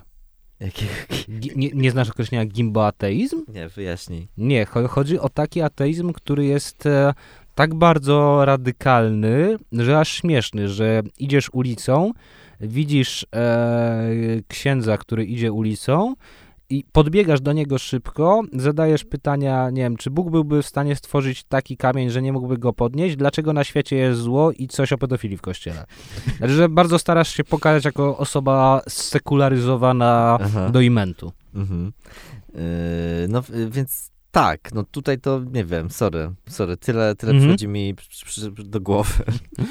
Chociaż też e, zwracam uwagę, że w sumie jesteśmy tym pokoleniem, które, dla którego istotną datą była przecież śmierć Jana Pawła II. Nawet e, jeżeli jakoś katolikami nie byliśmy, to widzieliśmy wtedy, ach, nie chcę używać słowa zjednoczenie, raczej narodowy zamęt, może tak. To jakieś Tak. dziwne, bardzo, e, bardzo, bardzo przeżycie. Tak, no ale było to, było to po prostu wydarzenie, było to wydarzenie społeczne, no właśnie wiesz, na ile związane z Mhm. religią, a na ile związane z in, innymi rzeczami. No ja też w książce o przyjaźni opisuję właśnie ten moment śmierci Tak. o papieża i, i sugeruję tam, że po prostu to był taki moment, gdzie wreszcie wszyscy mogli e, zapłakać e, z Mhm. różnych powodów, że była to, że była to taka kumulacja Też cytujesz żałoby. felieton Doroty Masłowskiej, w który trudno uwierzyć. Tak, który Znaczy, patrząc właśnie na traktowanie e, dzisiaj Jana Pawła II, to jak jeszcze sobie przeczytałem e, dziennik e, Andy Rottenberg z 2005 roku, właśnie z czasów, kiedy, kiedy papież umierał, to też trudno uwierzyć w to, jakie tam się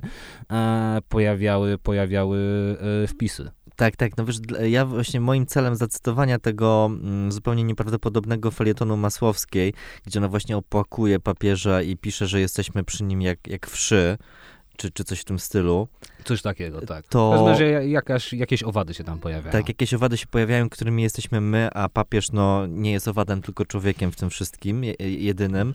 No, dla mnie to było e, tylko taki ostateczny dowód, żeby pokazać, że wszyscy wtedy oszaleli. I Tak. nawet tak, nawet taka osoba jak, ta, taka autorka jak Dorota Masłowska, która ma takie osobnicze bardzo Mhm. mm, zapędy, która cała zawsze jest taka zdystansowana, która potrafi różne rzeczy e, świetnie mm, zauważyć, podsumować. Jeżeli nawet ona e, po prostu pisała takie teksty, to, To, to jest, to jest w tym coś pocieszającego tak, też. tak, tak, tak. Czyli to jest No. dowód, że po prostu wszyscy wtedy byli tak po prostu otępiali tą śmiercią, y, że to nie, nie dało się. Po prostu Mhm. nie dało się, jeżeli nawet ona, to nikt. E, więc tak. E, A jeśli chodzi właśnie o te zamienniki religii, właśnie to foodie, ten LinkedIn, tę jogę, którą też wymieniłeś, czy uważasz, że coś rzeczywiście może a, tę straszną dziurę niespełnienia, która się unosi nad... Boga. To jest chyba z Sartra, nie? E, tak. E, tak, to jest. To jest Sartre? Nie, znaczy wydawało mi się że zawsze, zawsze, że to Artur Schopenhauer, ale wydaje mi się, że ty masz rację, że to jest Sartre. Dobra, też na literę S. E, czy tę straszną właśnie dziurę e, niespełnienia, która się unosi nad twoimi bohaterami, ale unosi się też nad bohaterami Runej, kimkolwiek by oni, oni nie byli w tej jej najnowszej książce, czy można ją jakoś załatać? Czy jest jakaś aktywność, jakaś wiara, jakaś czynność, jakieś doświadczenie, whatever, które może do tego załatania a, posłużyć?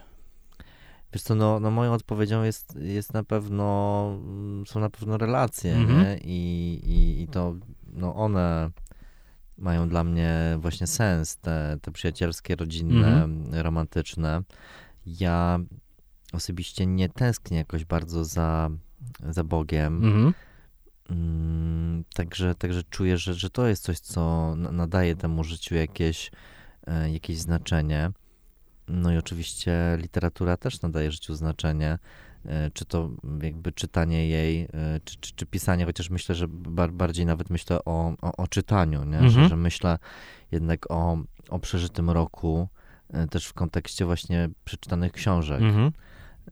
I no, dla mnie to jest y, wystarczające, nie? A dla całego pokolenia, no to już nie biorę na siebie tego ciężaru. Wy, wyznaczenia tego. Maciej Marcisz, który nie bierze na siebie ciężaru wyznaczania tego, co może być odkupieniem na poziomie generacyjnym, był moim gościem. Dziękuję bardzo. Dzięki bardzo.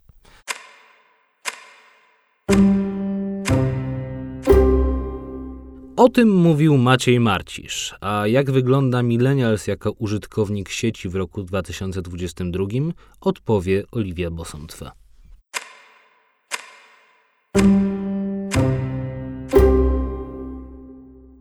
Oliwia Bosontwe, redaktorka naczelna portalu noise.pl jest moją gościnią. Co ja zacznę od takiego trochę dobry. niegrzecznego pytania, ale zacząłem od niego też w przypadku poprzedniego gościa. Który ty jesteś rocznik? Bo my razem studiowaliśmy, więc podejrzewam... 91. O Jezu, czyli ty jesteś tak samo jak Maciek Marcisz już po drugiej stronie smugi cienia. W, jakim sensie? W takim sensie, że jesteś już po 30. A, no tak, tak, ale, ale jestem milenialem sobie. Tak na poważnie, to było dla ciebie jakieś ciężkie przejście właśnie na drugą stronę? Chyba nie. A nie. nie. Nie, miałaś takiego poczucia, że o mój Boże, kończy mi się młodość, kończy mi się ten taki, wiesz, pierwszy okres w życiu, ja będę mogła już powiedzieć, że jestem w drugim i do tego pierwszego się tylko cofnąć wspomnieniami. Wiesz co? Chyba nie. Nie, mam w ogóle wrażenie, że to, że taką jakąś powiedzmy, że to chyba bardzo zależy jednak od tego, jaki się ma moment w mhm. życiu, no nie? W sensie, że wydaje mi się, że są takie czynniki, e, jakaś sytuacja biograficzna, który ten moment przejścia może eskalować, mhm. jeśli je, będę teoretyzować, bo to właśnie nie jest w moim przypadku, ale potrafię sobie wyobrazić, że gdybym miała sytuację biograficzną, taką jaką miałam na przykład kilka lat wcześniej, mhm. w momencie, w którym bym to, jak to powiedziałeś, prze, przekraczała smugę cienia, e, to pewnie by to było trudne, ale mhm. ponieważ miałam poczucie, że to był bardzo dobry jakiś moment w moim życiu, taki, w którym miałam poczucie, że wszystko mam trochę tak poukładane, jakbym mhm. chciała, e, to chyba mnie to jakoś nie dotknęło. Mam wrażenie, że to jest bardziej, że ta granica jest umowna, a bardziej się tyczy tak naprawdę nie tej magicznej daty w kalendarzu, tylko takiego momentu w dorosłości i on może u jednych wypaść wcześniej, mhm. a u innych później, związanego z tym, że, że musisz jakoś trochę jakby określić, czego chcesz w życiu. I mhm. nie chodzi mi o taką społeczną presję, tylko bardziej o presję, która u jakiejś takiej świadomej, refleksyjnej osoby powstaje w tobie, czyli... A dlaczego powstaje? Bo tak z grubej rury zaproponuję, bo wiesz, że umrzesz? Tak. I to, I to nie był żart. Znaczy, tak, w sensie do jako... mnie to dociera ostatnio ca coraz mocniej. Ja mam 29 lat, że mnie kiedyś nie będzie. Myślę, że to może być jeden z czynników, ale myślę, że u różnych osób może być mniej lub bardziej świadomy. Mhm. Ale myślę, że to jest bardziej też związane mm, z może mniej taką filozoficzną i ładnie brzmiącą tezą, jak myślenie o śmierci, ale z taką tezą o. Um, o tym, że nie ma się już nieskończonej liczby dróg przed sobą. Tak, y, i, i, i nieskończonej liczby możliwości. Mi się wydaje, że, że to jeszcze może być mniej taka świadomość tej takiej literalnej mhm. śmierci, mm -hmm. że ona jest za rogiem, bo jeszcze powiedzmy, że pomijając wypadki, jakieś sytuacje losowe gdzieś tam w, w, dzisiejszych czasach i przy obecnych możliwościach medycyny do tej śmierci mamy jeszcze trochę czasu, ale to już jest bardziej o tym, że no nie wiem, na przykład trudniej jest już zacząć nowe mhm. studia, albo wolniej ci idą niektóre rzeczy, w sensie takie... No, na Chodzenie, przykład, dajmy na to. Nie, bardziej myślałam na przykład o nauczeniu się od mhm. zera nowego języka. Coś, mhm. co jak masz jeszcze lat 20, możesz się tego podjąć łatwo. Jak masz lat 20, kilka, tak powiedzmy do 25, to jeszcze też, ale powiedzmy, jak masz już 29, to wydaje mi się, że liczba osób, które wtedy od zera nagle zaczynają uczyć się, powiedzmy, mandaryńskiego, nie dlatego, że wylądowały e, w Chinach ze względów zawodowych, tylko tak o, dla jakiejś oddalonej koncepcji, że im się to do czegoś przyda, jest bardzo ograniczona. I myślę, że, to, że ta presja, o której mówię, tego zmierzenia się w ogóle z tym, co się już zrobiło, co z tego wynika, trochę się jakby wiąże z tym, że za, zakładając, że gdzieś tam idzie taki, tam w pewnym momencie idziesz na studia, wiadomo, jedni studiują krócej, drudzy dłużej, więc mi też nie chodzi o taki konkretny moment, że na przykład, nie wiem, tam 5 lat po maturze, to nie o to chodzi, ale jak minie jakiś czas od tego, jak się gdzieś tę drogę edukacyjną zakończy i przez jakiś czas się już w jakimś miejscu popracuje, no to o ile się od razu nie trafiło idealnie, to zaczynają się pojawiać jakieś takie myśli, trochę na przykład co dalej, nie? Czy w tym miejscu, czy to miejsce, w którym ja teraz jestem, potencjalnie mnie kieruje w, tam, gdzie bym chciał być, czy albo na przykład, że się gorzej, w ogóle pomyliłem. Mhm. Albo jeszcze gorzej takie pytanie właśnie, czy, czy ja pasuję do tego miejsca, tak. albo czy ja w ogóle pasuję Gdzie pasuję? E, do świata. A masz wrażenie, że to jest właśnie nasze pokoleniowe, czy to zawsze było? No bo wiesz, e, ja zawsze jak spoglądam sobie na jakieś stare zdjęcia, stare to znaczy, nie wiem, sprzed I wojny światowej i widzę zdjęcie, okej, okay, ograniczmy się do mężczyzn, chłopaka z taką brodą albo z wąsami w garniturze, e, bardzo ładnym i jeszcze już z, dobra, z dzieckiem i z żoną, po czym czytam, że jest to pan XY, lat 19, który już widzę, że on jest w tym momencie żywicielem całej rodziny, że jest też ojcem tej, tej rodziny i za chwilę mu się ta rodzina powiększy, no to mam wrażenie, że ten punkt takiego takiej potrzeby refleksji jakoś się u nas trochę przesunął właśnie e, na późniejszy wiek. Ja nie jestem pewna, czy to jest dobrze postawiona teza. Nie wiem, Aha. czy bym mówiła o przesunięciu. Raczej bym chyba mówiła o jakiejś takiej w ogóle po prostu pewnej zmianie kontekstu i zmianie paradygmatu społecznego. To znaczy, mówiąc o tym bohaterze takim fikcyjnym, o którym no. powiedziałeś sprzed 100 lat, to raczej moglibyśmy się zastanawiać, czy on w większości kontekstów, w których występuje, w ogóle miałby taki moment i czy on byłby mhm. z tym związany. Dlatego, że no jednak kiedyś um, spo, społeczeństwo było bardziej zamknięte, w sensie po pierwsze jakby urodzenie bardziej, oczywiście dalej w dużej mierze mhm. definiuje to, jakie są twoje drogi, ale nie w tak sztywny sposób. Nie, jak, ale wie, cho, mm, chodzi mi po prostu o to, że kiedyś ta dorosłość przychodziła o wiele wcześniej. To inny przykład już, e, tym razem książkowy. Pamiętam jak e, sobie przeczytałem parę lat temu na nowo Wojnę i Pokój to ustoja, bo akurat mhm. był fantastyczny serial BBC. A na podstawie uznałem, że sobie powtórzę. I to, co mnie uderzyło, to że ci wszyscy bohaterowie mają właśnie 17, 18, 19, 20, najdalej 22 lata. Ci tacy główni, ci, mhm. których jak za pierwszym razem czytałem tę książkę, pewnie miałem z 15 lat, to myślałem, że o nie, oni muszą być tak po 30, już blisko 40, 40. Oni są tacy dorośli, idą na wojnę z Napoleonem, nie? E, to znaczy idzie mi o to, czy rzeczywiście nie pojawił się jakiś zupełnie mm, i czy to było w naszym pokoleniu, czy może w jeszcze wcześniejszym, jakiś zupełnie nowy okres w życiu, takiej, takiego bycia właśnie young adult, prawda? Takiego, mhm. że ani w te, ani we w te. Nie, to, na, to znaczy to na pewno, tylko tak mhm. jak mówię, on po prostu wynika, pojawienie się go wynika ze zmiany po prostu kontekstu społecznego i tego, że w ogóle powiedzmy społeczeństwo wykształciło sobie jakieś takie normy funkcjonowania, a raczej zmniejszyło liczbę norm mhm. funkcjonowania, że można w takim stanie funkcjonować, bo ten stan się bierze stąd, że po pierwsze istnieje dosyć mała presja zewnętrzna na to, żeby uregulować kwestie założenia tak zwanej rodziny. I, mhm. I to się wiąże z bardzo, bardzo, bardzo różnymi względami. Czyli z jednej strony jest tak, że powiedzmy w takich nawet bardziej tradycyjnych rodzinach, to jeśli ta presja się pojawia, to ona się pojawia później to, i, to, i to wtedy się mhm. najbardziej tyczy tego fenomenu, o którym mówisz. W innych, bardziej otwartych, mniej konserwatywnych ona się na przykład nie pojawia wcale i w ogóle nikt nie postrzega twojego szczęścia, w sensie rodzice nie postrzegają szczęścia swoich dorosłych dzieci przez pryzmat tego, czy dostarczą im wnuki, na przykład. No do tego oczywiście dochodzi kwestia przecież mniejszości mm, LGBT, mhm. e, gdzie no, w krajach na przykład mniej progresywnych, czyli takich jak nasz, no to powiedzmy, że temat zakładania rodziny jest w związku z tym w ogóle bardziej skomplikowany i też mhm. przesuwa w, w, w ogóle te. To też trochę zależy od bańki, no ale już tak na, na całość kraju e, to rozciągając, to, to pewnie no, tak. tak, znaczy mówię też o sytuacji prawnej, no mhm. nie? bardziej to miałam na myśli, a już nie, nie rozdrabnianie się na to, czy ktoś akceptuje swoje dzieci takim, jakie są, czy nie. W każdym razie tych czynników takich związanych ze zmianą taką społeczną, takiej po prostu kultury, bycia, zachowywania się, mhm. kierowania swoim życiem jest tak dużo, że myślę, że stąd jesteśmy tak daleko od tych bohaterów, no właśnie sprzed y, nawet więcej niż no, 100 lat. Nie? o wiele więcej, tak.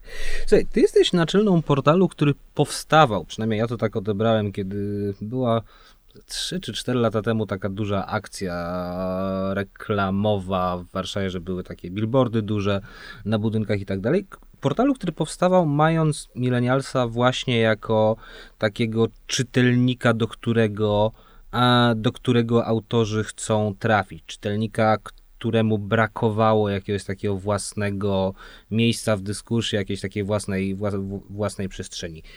Kiedy zostałaś naczelną tego portalu, to jak ty sobie tego czytelnika właściwie wyobrażasz? To, albo jak, a, nie wiem, kiedy a, kiedy dostajecie jakieś właśnie, nie wiem, pytania od reklamodawców, kim jest wasz czytelnik, albo kiedy dostajecie briefy od reklamodawców i oni jakoś tego czytelnika definiują, to jaka to jest definicja? Kim on jest? Wiesz co, ja myślę, że to jest bardzo, bardzo trudne pytanie. I ja na nie najbardziej lubię, bo, albo jeszcze inaczej, te, te definicje się też trochę zmieniały. No. znaczy, portal powstał 6 lat temu, y, ja w nim wtedy w ogóle nie pracowałam i, i wtedy się definiował, że jakby jego grupą docelową jest y, jakaś grupa, która lifestyle'owa tak naprawdę, czyli bardziej, teraz żeby mądrze powiedzieć, układana pod względem habitusu, a, Mhm. a nie, nie, nie, nie stricte demograficznym, czyli takie Generation C, gen- Generation Cool. Jakby Okej. Ludzi, którzy są, jakoś tam chcą być fajni, cokolwiek to znaczy. Myślę, że to się bardzo, bardzo, bardzo, bardzo, bardzo w ciągu tych Mhm. sześciu lat zmieniło. E, Mówi, ten, ten, ten bon mot, ten claim Generation C, to tak jak mówię, on tyczy w ogóle samego za, po, początku, jakby samej potrzeby Mhm. założycielskiej. Em, Zresztą chyba wtedy dosyć słusznie wyczutej braku takiego, tak, takich mediów, nie tylko generacyjnych, ale w ogóle takich, które, no nie wiem, potrafią być też jakoś luźne. Ale to Mhm. wtedy było coś Znaczy był zupełnie... Vice wtedy, ale chyba to była jedyna rzecz. e, Tak, ale on był bardzo, wydaje mi się, też takim wąskim, trochę bańkowym Mhm. fenomenem wciąż wtedy. Ten jak polski. publikowali artykuły, wiesz, o dealerach No. kokainy z Kolumbii, z Kolumbii, którzy nagle mają jakieś dziwaczne upodobania erotyczne. Oczywiście Tak. żartuję, ale taki No. typowy artykuł z Vice'a. Natomiast to, co się. No i Vice się też zmienił oczywiście gdzieś tam w tyle. Teraz Mhm. jest w ogóle czymś innym niż był tych lat temu, ładnych kilka. I, I nasz tytuł się też bardzo, bardzo zmienił. I tak naprawdę. Jak mnie teraz ktoś pyta o to, kto jest naszym czytelnikiem, to ja lubię mówić, że ten czytelnik wciąż przede wszystkim zależy od tego, jaki on jest, a nie od tego, ile on ma lat i gdzie Okej. on mieszka. I że to jest bardziej kwestia, że to wyrasta bardziej na takie medium tożsamościowe, czyli mm, no pewnie je, przede wszystkim jesteś człowiekiem, który jest jakoś tam zaangażowany w rzeczywistość albo chce myśleć o sobie, że jest zaangażowany, nawet jeśli nie jest w A w sensie, praktyce. że jest e, albo poważnym aktywistą, albo przynajmniej typem, który, bądź typiarą, którzy sobie e, dodają nowe nakładki na profilowe na fejsie? Tak, no Aha. ironicznie tak można powiedzieć, ale mi się, ja, wydaje mi się, że tutaj drwina nam jakby nie- oddala nas jakby trochę od, od, od tego, żeby t- Mhm. tych ludzi uchwycić, bo możemy się z tego pośmiać, że ludziom się wydaje, że są zaangażowani, a tak naprawdę nie są, ale ja po, po pierwsze mam dosyć ograniczoną wiarę w to, że wszyscy możemy być aktywistami, bo myślę, że to jest nieprawda i nie wszyscy z różnych powodów i nawet chyba lepiej by było, gdybyśmy wszyscy nie byli akty- Nie aktywistami. no, z tym, z tym się a, akurat zgadzam. Ja E, w- ogóle nie za bardzo rozumiem ideę aktywizmu. E.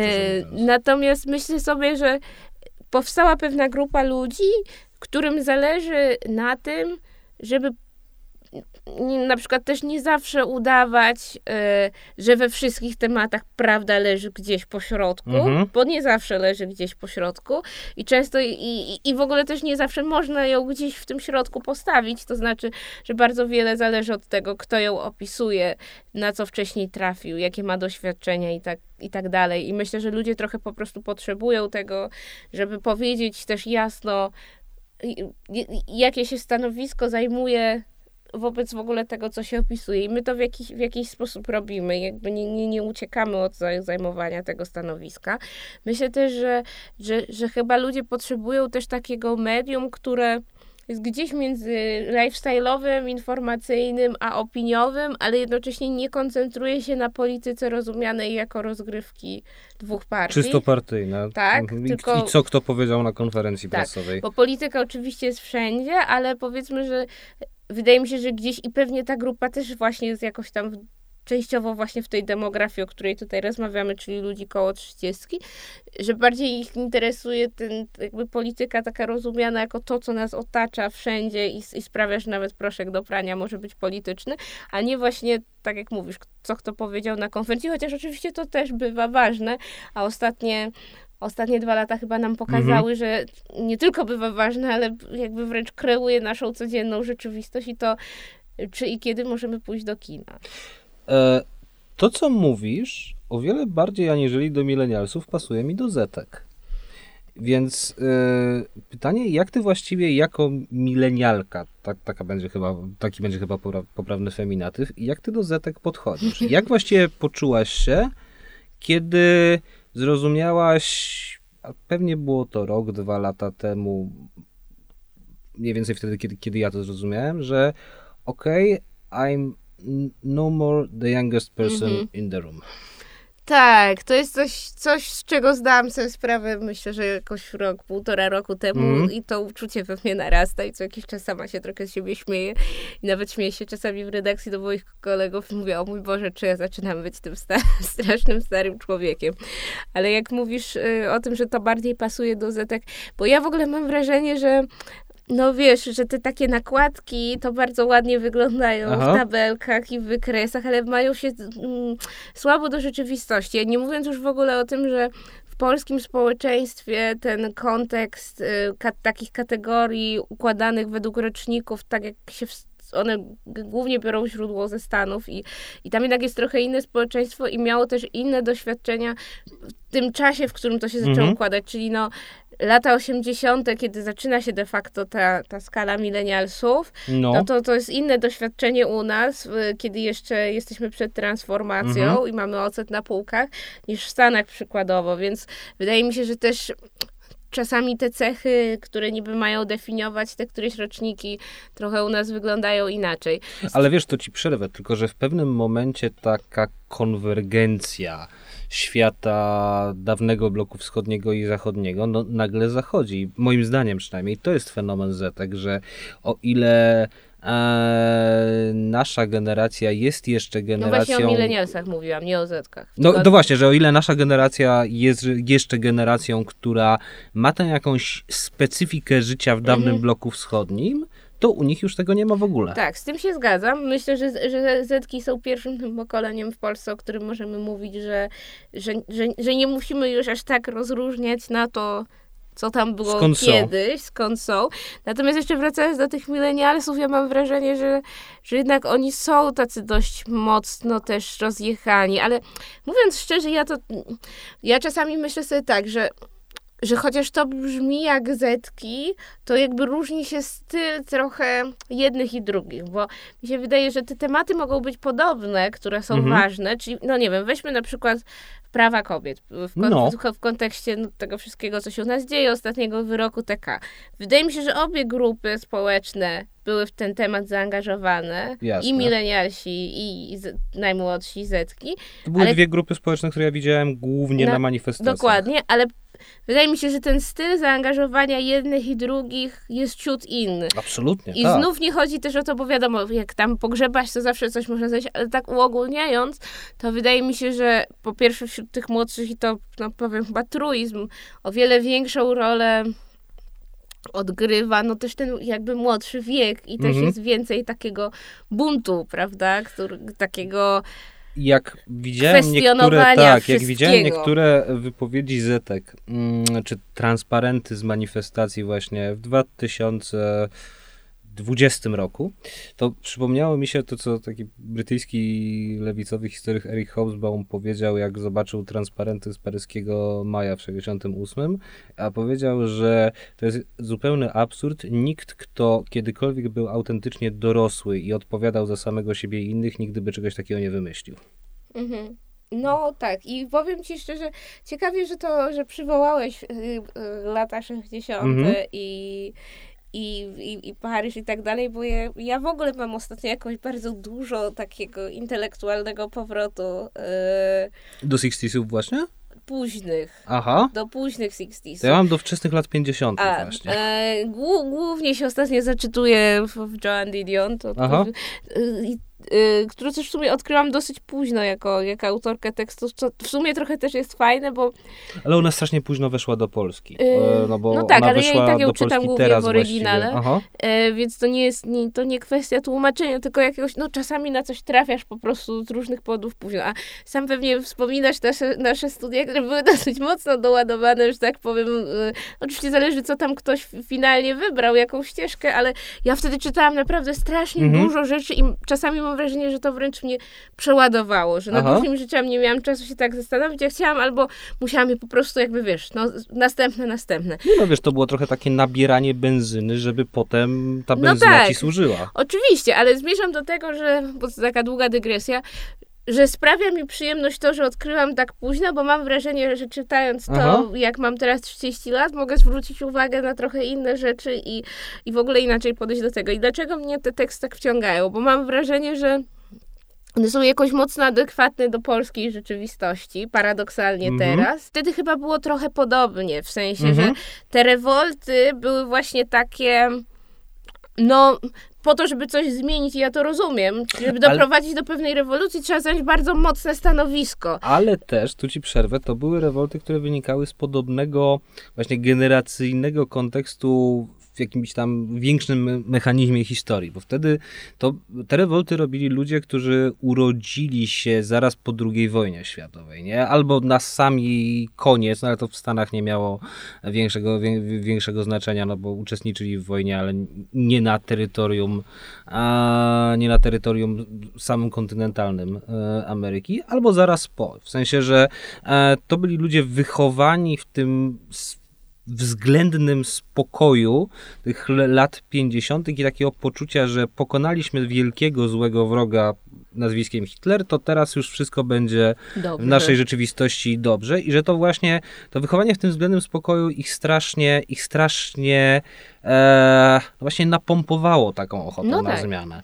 Słuchaj, gdybyś miała wskazać właśnie takie typowo milenialskie polskie doświadczenia, takie, które właściwie, wiesz, wiesz, że ty masz, że ty się w nich wychowałaś tam w latach 90., 2000 i że wiesz, że jeżeli spotkasz osobę o rok młodszą, o rok starszą, czy dwa lata młodszą, to ona najprawdopodobniej, bądź on też, też, też je będą mieli.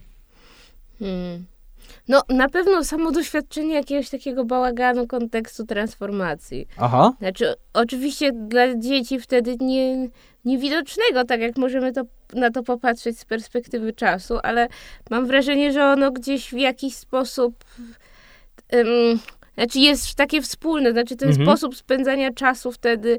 Y, Gdzieś tam między podwórkiem a szkołą, która niby jest trochę jak w czasach naszych rodziców, ale No już jest jednak trochę inna. Tysiąc latki to były, no wszyscy do Dokładnie, nich chodziliśmy. to jest, ten, to jest ten sam budynek, Mhm. ale już jest trochę inny program.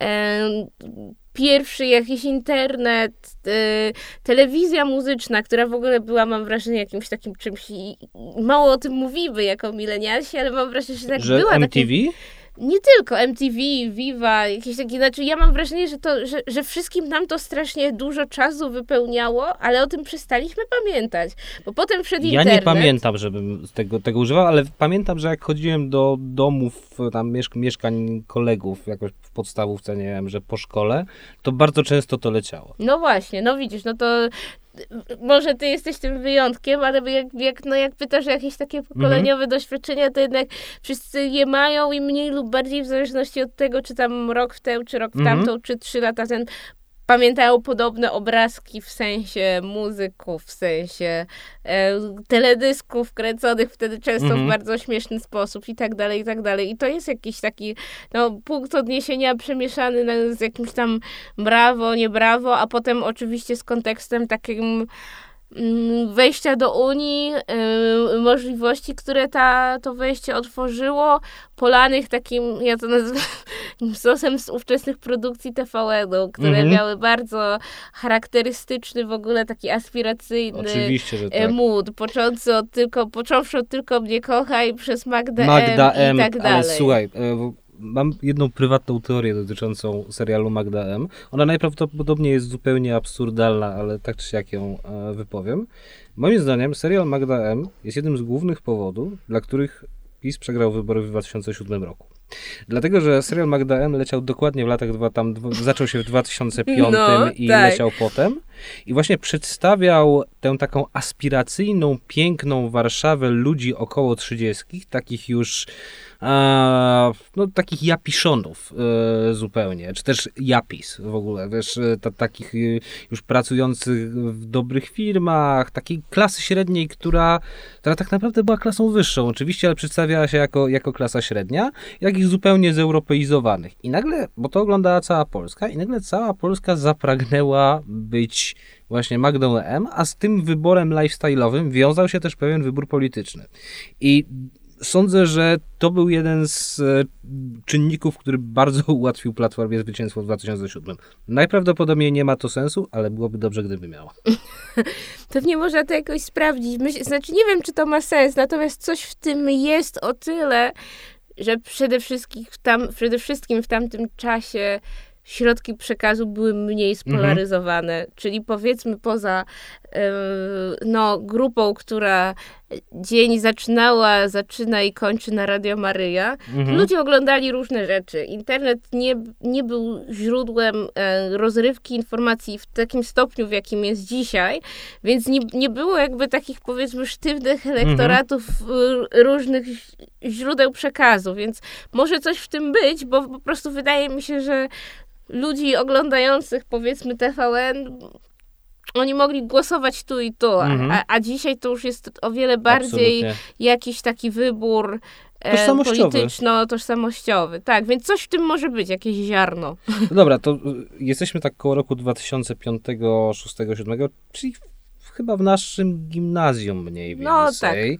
Co było potem? Jakie są doświadczenia milenialsów potem na studiach, w liceum, na studiach i już po? Bo ty prowadziłaś w Noizie bardzo fajny cykl e, na wynajmie, o tym jak się wynajmowało w, w, róż, w Warszawie, w różnych miastach mieszkania właśnie przez milenialsów i na studiach i, No i po tak. studiach. A co było jeszcze przed tym? Co było takim rzeczywiście pokoleniowym doświadczeniem w liceum i, i na samym początku studiów?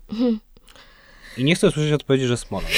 Chciałam powiedzieć o tym, ale wiesz dlaczego? No, Dlatego, że Smoleńsk mi podzielił e, ostatni etap olimpiady z literatury, e, No. do której Aha. byłam, e, w, w, w której brałam udział w maturalnej klasie. aha. I doszłapałam się do ostatniego etapu dla laureatów i pojechałam do Warszawy, a że mieszkałam wtedy w Nowym Sączu, to jednak wyjazd do stolicy Aha. to była dla mnie zawsze jakaś taka fajna przygoda. Znaczy ten finalny etap był w Konstancinie. Proszę? Ten finalny etap był w Konstancinie, Tak. pamiętam, no. E, W takim, w takim ośrodku któryś ojców, jakiś to... mi- Salezjanów. No, któryś, nie pamiętam. Ja też tam wtedy byłem. A, no to widzisz. Znaczy ja nie, nie jako olimpijczyk, bo ja wtedy zrobiłem tę olimpiadę yy, ze dwa lata wcześniej, ale po prostu odwiedzałem znajomych, którzy, którzy tam wtedy byli. No w każdym razie ja pamiętam, dlatego ten, znaczy tak, dlatego chciałam powiedzieć o Smoleńsku już mniej ze względu tego wszystkiego, co na ten temat powiedziano w niejednym programie i podcaście, tylko że po prostu pamiętam, że w związku z tym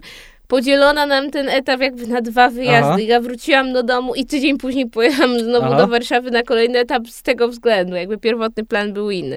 Ale wiesz co, po, szczerze powiedziawszy, takie powiedzmy obrazy z popkultury, takie symboliczne rzeczy, to one mi trochę zaczynają umykać, y, Okej. powiedzmy gdzieś tak koło no właśnie od, od, od, od momentu już jakiegoś takiego końca liceum e, i studiów. Ja, ja trochę nie wiem jeszcze, wiesz jak to jest, so, sowa mi nerwy, zawsze Mhm. wylatuje po zmierzchu, to jest za blisko. Ja jeszcze chyba nie umiem tego tak złapać. Znowu bardzo ciekawe, że użyłaś tego e, bobotu z Hegla, ponieważ znowu drugi bohater piątego odcinka, którego będą Państwo słuchać za jakiś czas, również tego dzisiaj To użył, a musisz mi nagrywałem go dzisiaj rano. To musisz mi powiedzieć, czyim klonem jest. Eee, nie wiem, czy mogę ujawniać, najwyżej to wytniemy. Powiedział to Edwin Bendyk, szef A. Fundacji Batorego.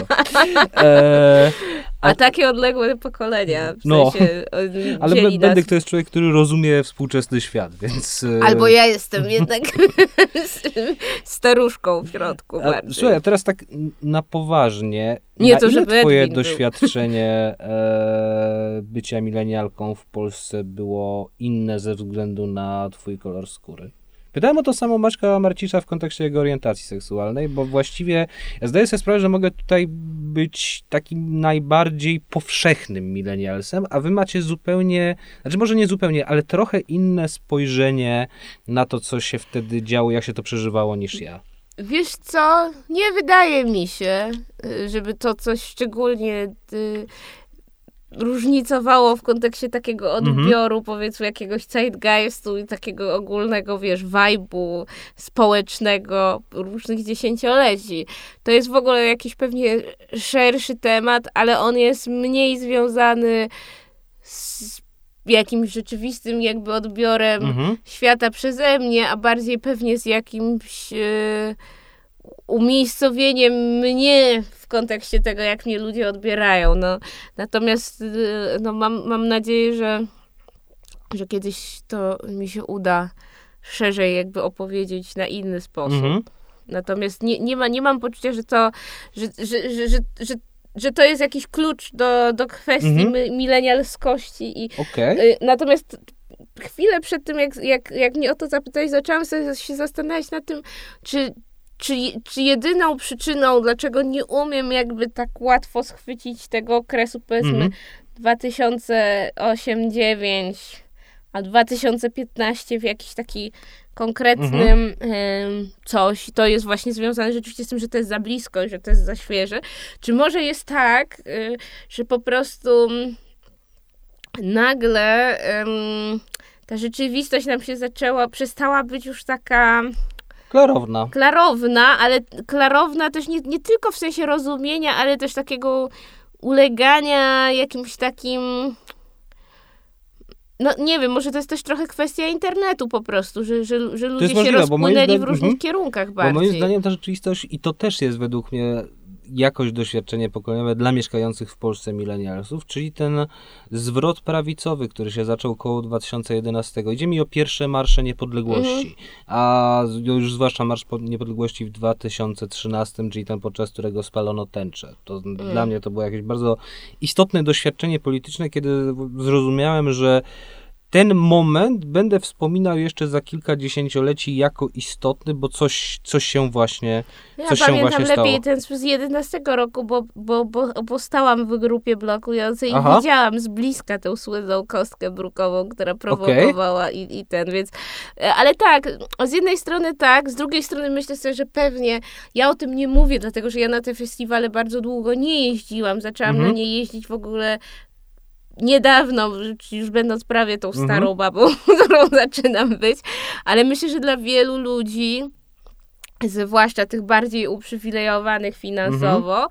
e, to też ten okres 2008, powiedzmy pewnie 15, to jest okres jeżdżenia na Openera i różne tego Ja typu. zawsze byłem z e, Nowych Horyzontów. No, no okej, Ale no, ale powiedzmy, że podobna Opener, wyprawa. no większy też Mhm. jeszcze, nie? Więc my, myślę, że wiele, że, że jeśli by, by, bym miała szukać jakiegoś e, właśnie takiego powiedzmy symbolu popkulturowego, to pewnie ten opener byłby Mhm. w tamtym czasie takim, takim punktem właśnie zbierającym jak, jakiś rodzaj pokolenia. A słuchaj, czy było coś specyficznego mm, w milenialskich związkach na tle innych pokoleń? I pytam o to dlatego, że mam paru takich kolegów, e, z którymi mamy zawsze dosyć zbieżne e, historie związkowe, w sensie nie, że te same rzeczy się u nas dzieją w związkach, ale że na podobnych etapach się z kimś wiążemy, na podobnych etapach i z podobnych powodów z kimś się rozstajemy, potem przez podobny czas jesteśmy sami, znowu się z kimś wiążemy i tak dalej, i tak dalej. I kiedy. Czy jest coś specyficznego w milenialskich związkach? Jak, czy jest jakiś pattern, schemat, który właśnie wynika z jakiegoś doświadczenia generacyjnego? Hmm, wiesz co, to jest bardzo trudne pytanie. Powiem tak, y, mnie, wydaje mi się, że to jest znowu chyba jest raczej taki prymat y, z habitusu. Okej. Znaczy mi się wydaje, że, że inne mogą być te schematy i te układanki, y, że tak powiem, w jakimś takim powiedzmy wielkomiejskiej, aspiracyjnej bańce, Mhm. a inne y, w miejscach, gdzie jednak istnieje większa presja wewnętrzna lub zewnętrzna na odtwarzanie Mhm. pewnego, pewnego modelu. I jak sobie, no nie wiem, pomyślę, no to jednak są wciąż jacyś ludzie gdzieś. I właśnie dlatego myślę też o takiej bańkowości, że, nie- że nie w jakimś takim moim bliskim otoczeniu, ale widzę na przykład, no nie wiem, jak mi gdzieś migną ludzie, z którymi chodziłam do liceum mm, 10 lat temu Mhm. e, w Nowym Sączu, że tam wciąż są, są takie związki, które się, nie wiem, zaczęły w liceum i jakby I się ludzie- nie rozstały. i się nie rozstały, tak, w sensie ludzie wzięli ślub, mają dzieci, coś tam, al- i tak dalej, i tak dalej, że, że to są raczej jakieś fenomeny, które istnieją równolegle i ja bym, ja bym się bardzo broniła przedstawianiem, zresztą w ogóle cała ta nasza dyskusja powinna być obwarowana właśnie takim zastrzeżeniem, że nie mówimy o milenialskości w ogóle, tylko jakby... Ani nawet o polskiej Ale nie o milenialskości w polskiej ogóle. milenialskości w ogóle, tylko o jakiejś pewnej grupie, która powiedzmy ten, ten koncept tego, czym może być taka powiedzmy internetowa milenialskość, Mhm. tak jak się ją przedstawia, czyli przepraszam, ten słynny e, ten e, awokado toast i tak dalej. Wiesz, że ja, ja zawsze jak e, o tym słyszę, to mam to samo co z sojowym latem. Ja tego nigdy, z sojowym latem, ja tego nigdy nie jadłem, ani tego nigdy nie piłem. Że bardzo lubię samo awokado generalnie, jest mega smaczne i to lubię tak sobie kupić, przekroić i, i zjeść, nie? Ale żeby zrobić z tego tosty, to nie, nie wiem po co. Słuchaj, to, to chyba trochę tak jak z tym, że nie oglądałeś e, ten e, Vivy i MTV. Że, że jestem tylko, ewenementem, tylko tak? Tylko widziałeś to w domach swoich kolegów. O mój Boże. Okej, okay. słuchaj, bo mm, w ostatnich latach mam takie wrażenie, że E, właśnie też za sprawą Zetek pewne mm, wypowiedzi, pewne zachowania stają się nagle nie do pomyślenia, nie do zrobienia. Stają się nagle kontrowersyjne, stają się wyrzucone poza jakiś margines tego, jak powinien się zachowywać cywilizowany człowiek, nie? E, jakie wydarzenia, które były wpisane w milenialskość, ok, już tą bańkową, aspiracyjną, polską.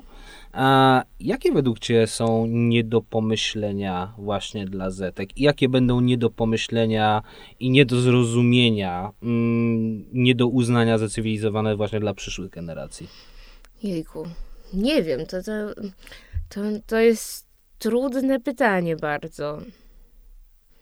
Hmm. Znaczy, no na pewno na pewno wo wobec niektórych zetek nas cechuje jakiś rodzaj zachowawczości, chyba bar bardziej. Jakiejś jednak większej ostrożności i w wyrażaniu poglądów i w, no, w jakimś ogólnym manifestowaniu mhm. siebie i, i, i, swojej, swojej jakiejś swojej tożsamości. oczywiście to zależy, prawda? W każdym roczniku można znaleźć buntowników, ale tak jakbym e, próbowała tak spojrzeć na to szeroko, to myślę, że, że to młodsze pokolenie jest o wiele bardziej takie łatwiej im przychodzi formułowanie takich nawet radykalnych sądów. Okej. Okay a nam chyba było trochę trudniej, albo robiliśmy to w bardziej zaowalowany sposób, gdzieś na poziomie akademickiej mhm. dyskusji, a nie mm, transparentu albo po prostu... Albo tweeta. Albo tweeta, tak. I że oczywiście można wśród milenialsów, tak jak mówię, też znaleźć takie osoby, których gdzieś... Yy, których aktywność bardziej właśnie przypomina mhm. tę taką radykalność zetek, ale tak jakbym sobie miała jakoś tak właśnie uogólnić, to, to chyba tak. A używki? Jakie używki były milenialskie? Bo ja znowu mogę zostać uznany za ewenement, bo ja od y, liceum do dzisiaj piję na imprezach jedno i to samo, czyli czerwone wino, ale chciałbym się dowiedzieć e, i zresztą od liceum palę jedno, jedną i tę samą markę papierosów, więc to być może jest to zbyt wielka stałość w moim życiu. E... Słuchaj, po prostu urodziłeś się starym wewnętrznie człowiekiem. Traktuję to jako komplement akurat. Y, ja tę swoją wewnętrzną starość, którą też dostrzegam, całkiem lubię. No, no to e, najważniejsze. E, ale już na poważnie, jakie używki były typowo milenialskie? Bo jeśli rozmawiam ze swoimi kolegami, którzy dorastali, znaczy tak dorastali, mieli po 16-17 lat w latach 90., to twierdzą, że wtedy narkotyków było mnóstwo. Kiedy czytam jakieś mniej lub bardziej apokaliptyczne reportaże w gazetach o używkach zetek, to znowu widzę, że narkotyków jest mnóstwo, a z naszego dorastania jakoś tego nie pamiętam. Znaczy pamiętam głównie właśnie fajki i alkohol. Tak, coś w tym jest. E, ja to się zawsze zastanawiam, czy to rzeczywiście tak jest, czy ja po prostu byłam, nie, nie byłam cool enough i nie byłam w tym odpowiednim towarzystwie, ale coś w tym jest. Może być tak, że znaczy i tak i nie. To znaczy, ja znowu mam trochę ten problem, że widzisz, ja dorastałam w o wiele mniejszym, mhm. mniejszym mieście. I tam w ogóle ze wszystkim było trochę inaczej i ja to tą skalę jakby różnicy centrum, peryferię w kontekście tego dorastania po prostu widzę teraz, kiedy mam gdzieś wśród jakichś bliskich czy znajomych y, mogę zobaczyć kogoś, kto w Warszawie jakby dorasta i ma lat powiedzmy 17. Czy, a, a, a, że ma lat 17. Tak, i jak czy, ja sobie mm, pomyślę o, o, swoim 17 w kontekście e, niemieszkania w Warszawie, to myślę, że mm -hmm. to mhm. w ogóle bardzo, bardzo dużo determinuje. Tak, tak mi się wydaje, to jest jakaś jedna rzecz, ale coś chyba jest rzeczywiście z, z tym, yy, że... Yy, że, że, że, że tak, że, że te narkotyki być może wróciły do jakiegoś takiego tak podobnego obiegu, jakie, w jakim były w latach 90., w sensie, że stały się bardziej modne, ale ja myślę, że to po prostu w ogóle do, dotyczy innego już w ogóle stosunku społecznego do, do, do narkotyków, mhm. który przestaje być, w sensie, że one w ogóle przestają być jakimś młodzieżowym buntem, ani też przestają być jakąś prostą, prostą jakąś taką dydaktyczną mhm. opowiastką ala my dzieci z dworca zoo z lat 70., tylko stają się po prostu jakimś elementem e, kultury i życia, e, po prostu używką, która jest i, i, i o, z której tak jak z każdych używek po prostu trzeba trochę wiedzieć, jak korzystać. Mhm. Nie? Mam takiego kolegę akurat już z pokolenia X chyba, który właśnie dwa lata temu uznał, że będzie, że chciałby poznać te wszystkie narkotyki i będzie z nich korzystał tak w sposób według niego cywilizowany, więc że będą sobie wieczorami czy późnym popołudniem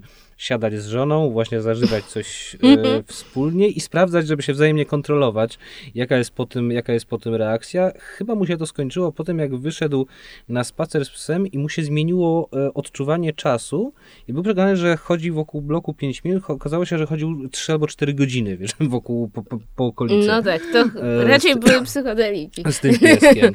Jak ty sobie wyobrażasz przyszłość całego tego pokolenia, nawet już za, Ale którego? Właśnie tego y, milenialsów. To znaczy, czy uważasz, że oni w pewnym momencie będzie tak jak znowu wrócę do lat 60. Właśnie ja też chciałam do nich Jest to taka ładna e, e, anegdota właśnie z rewolucji 68, kiedy nie pamiętam już kto e, z okna Sorbony wychylił się do tych protestujących studentów i zaczął do nich krzyczeć idźcie do domu za 20 lat i tak wszyscy będziecie notariuszami.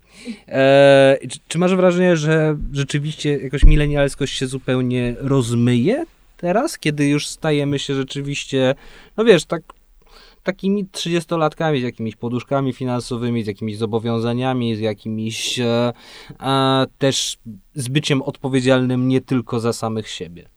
Wiesz co? No ja myślę, że my w ogóle od początku jesteśmy w trochę innym miejscu, wiesz, że mm tak mhm. jak są te sinusoidy pokoleniowe, to, to my nie wpadamy jakby w w te roczniki buntu. I teraz przypominają mi się dwie kwestie z lat 60., mm -hmm. dwa obrazki. Jeden to już wspomniany przez ciebie no, genialny essay, essay Didion Slouching to Bethlehem, e, ale nie w kontekście tych wszystkich e, trudnych y, do y, przyjęcia rzeczy na temat hipisów, które opisała, tylko jej relacji wobec grupy osób, którą opisywała. Ona miała wtedy 33 lata, mhm. jak pojechała do San Francisco. E, no i była po prostu panią w płaszczu z apaszką e, na szyi. Po, poza tym też przerwę, dlaczego mówiłem, że ten esej był krytyczny, bo on był napisany dla bardzo konserwatywnego, republikańskiego magazynu i on był napisany w momencie, kiedy Didion e, była bardzo pro Barry Goldwater w wyborach w Stanach. Mhm. E, ale trochę mnie wytrąciłeś okay, z tego, co chciałam powiedzieć, e, a chciałam powiedzieć o jakby relacji właśnie wieku, czyli ona mhm. przyjeżdża i jakby nie tyle miałam tutaj na myśli jakby konserwatyzm i raczej mówiąc o płaszczu, ja płaszcze miałam po prostu na myśli taką zwyczajną, codzienną modę lat 60. Mhm. versus to, co proponowali hipisi, o których my teraz często zapominamy. Byli wtedy naprawdę dzieciakami. To byli ludzie, którzy mieli po 16, 17, 19 lat i to jakby to rzucenie szkoły, to, to, to było literalnie tak jakby teraz, jakby w naszych rocznikach po gimnazjum ktoś się urwał i pojechał, nie wiem, do Dębek i tam mhm. zakładał komunę.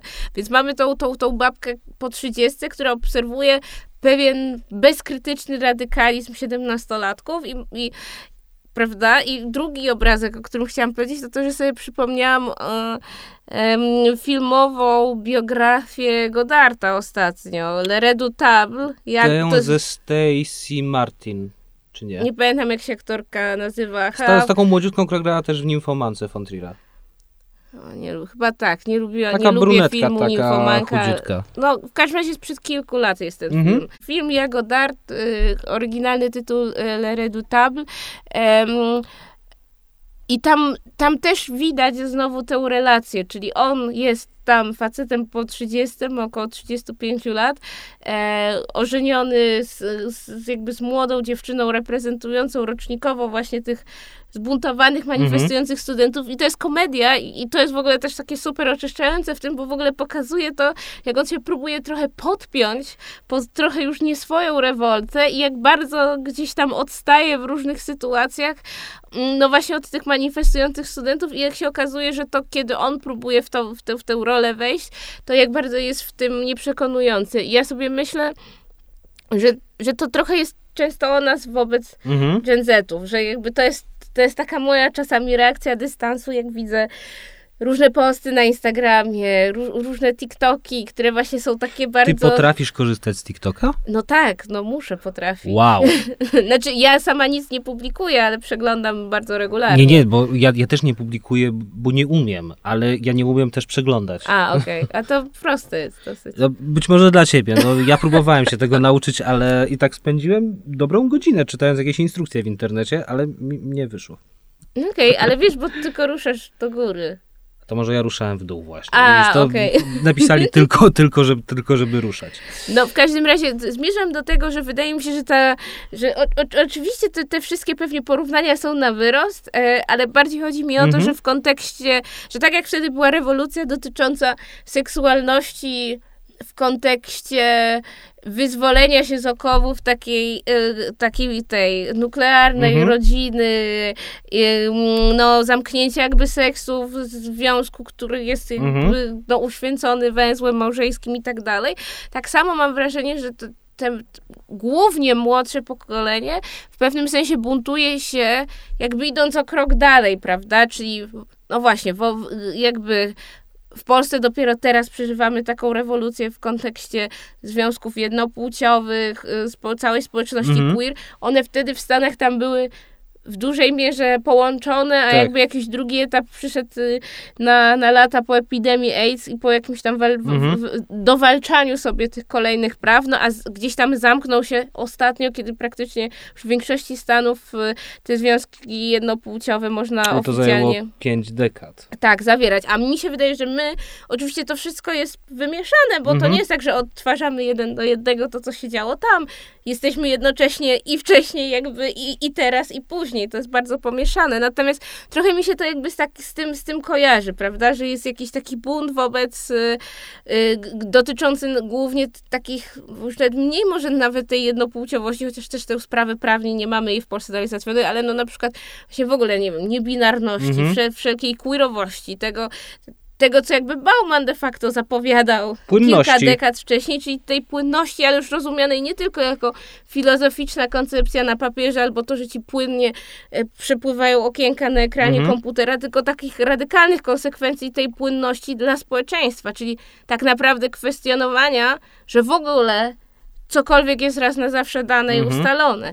I myśmy tego nie kwestionowali, w sensie my, milenialsi, tak mi się wydaje, jakby my gdzieś próbowaliśmy się odnaleźć w jakichś jednak binarnych układach. Znaczy od, odnaleźć się w rzeczywistości zamiast ją stwarzać. Tak, tak. Tylko, że wiesz, bo jeśli porównujesz to do końcówki 60sów, to nie zapominaj, a, Że to się źle skończyło. że to się źle skończyło w tym sensie, że potem w Stanach masz właściwie dominację republikanów e, poza czteroleciem prezydentury Cartera, ale dominację republikanów do lat 90. A w UK e, to Margaret s- Thatcher. To już później, No ale tak. w- wcześniej właśnie wybory wygrywają kilka razy z rzędu e, konserwatyści, a Partia Pracy jest zupełnie, e, zu, zupełnie na, na, na bardzo, bardzo, bardzo niskim poziomie i że właśnie takie przebudzenia wśród najmłodszych pokoleń no, owocują na poziomie politycznym e, zwrotem w stronę czegoś pewnego, czegoś stałego.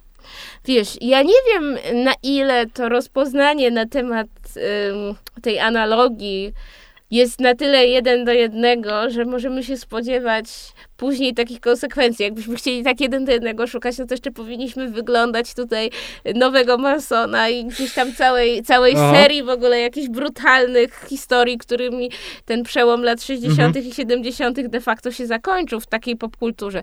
Nie ch- jakby nie chcę iść tą drogą, dlatego że po pierwsze nie mam szklanej kuli i nie Mhm. umiem przewidzieć przyszłości, po drugie chodziło mi raczej o takie mm, bardziej intelektualne porównanie Mhm. pe, pewnego układu. Dlatego mówiłam o tych relacjach 30-latkowie versus jeszcze nastolatkowie i 30-latkowie, którzy są tacy trochę pomiędzy, i, ale są za, za młodzi, żeby być rodzicami tych nastolatków, ale widzą, że już nie są tymi zbuntowanymi Oczywiście, nastolatkami. To mi bardziej chodziło o to. Nie wiem, do czego nas to doprowadzi.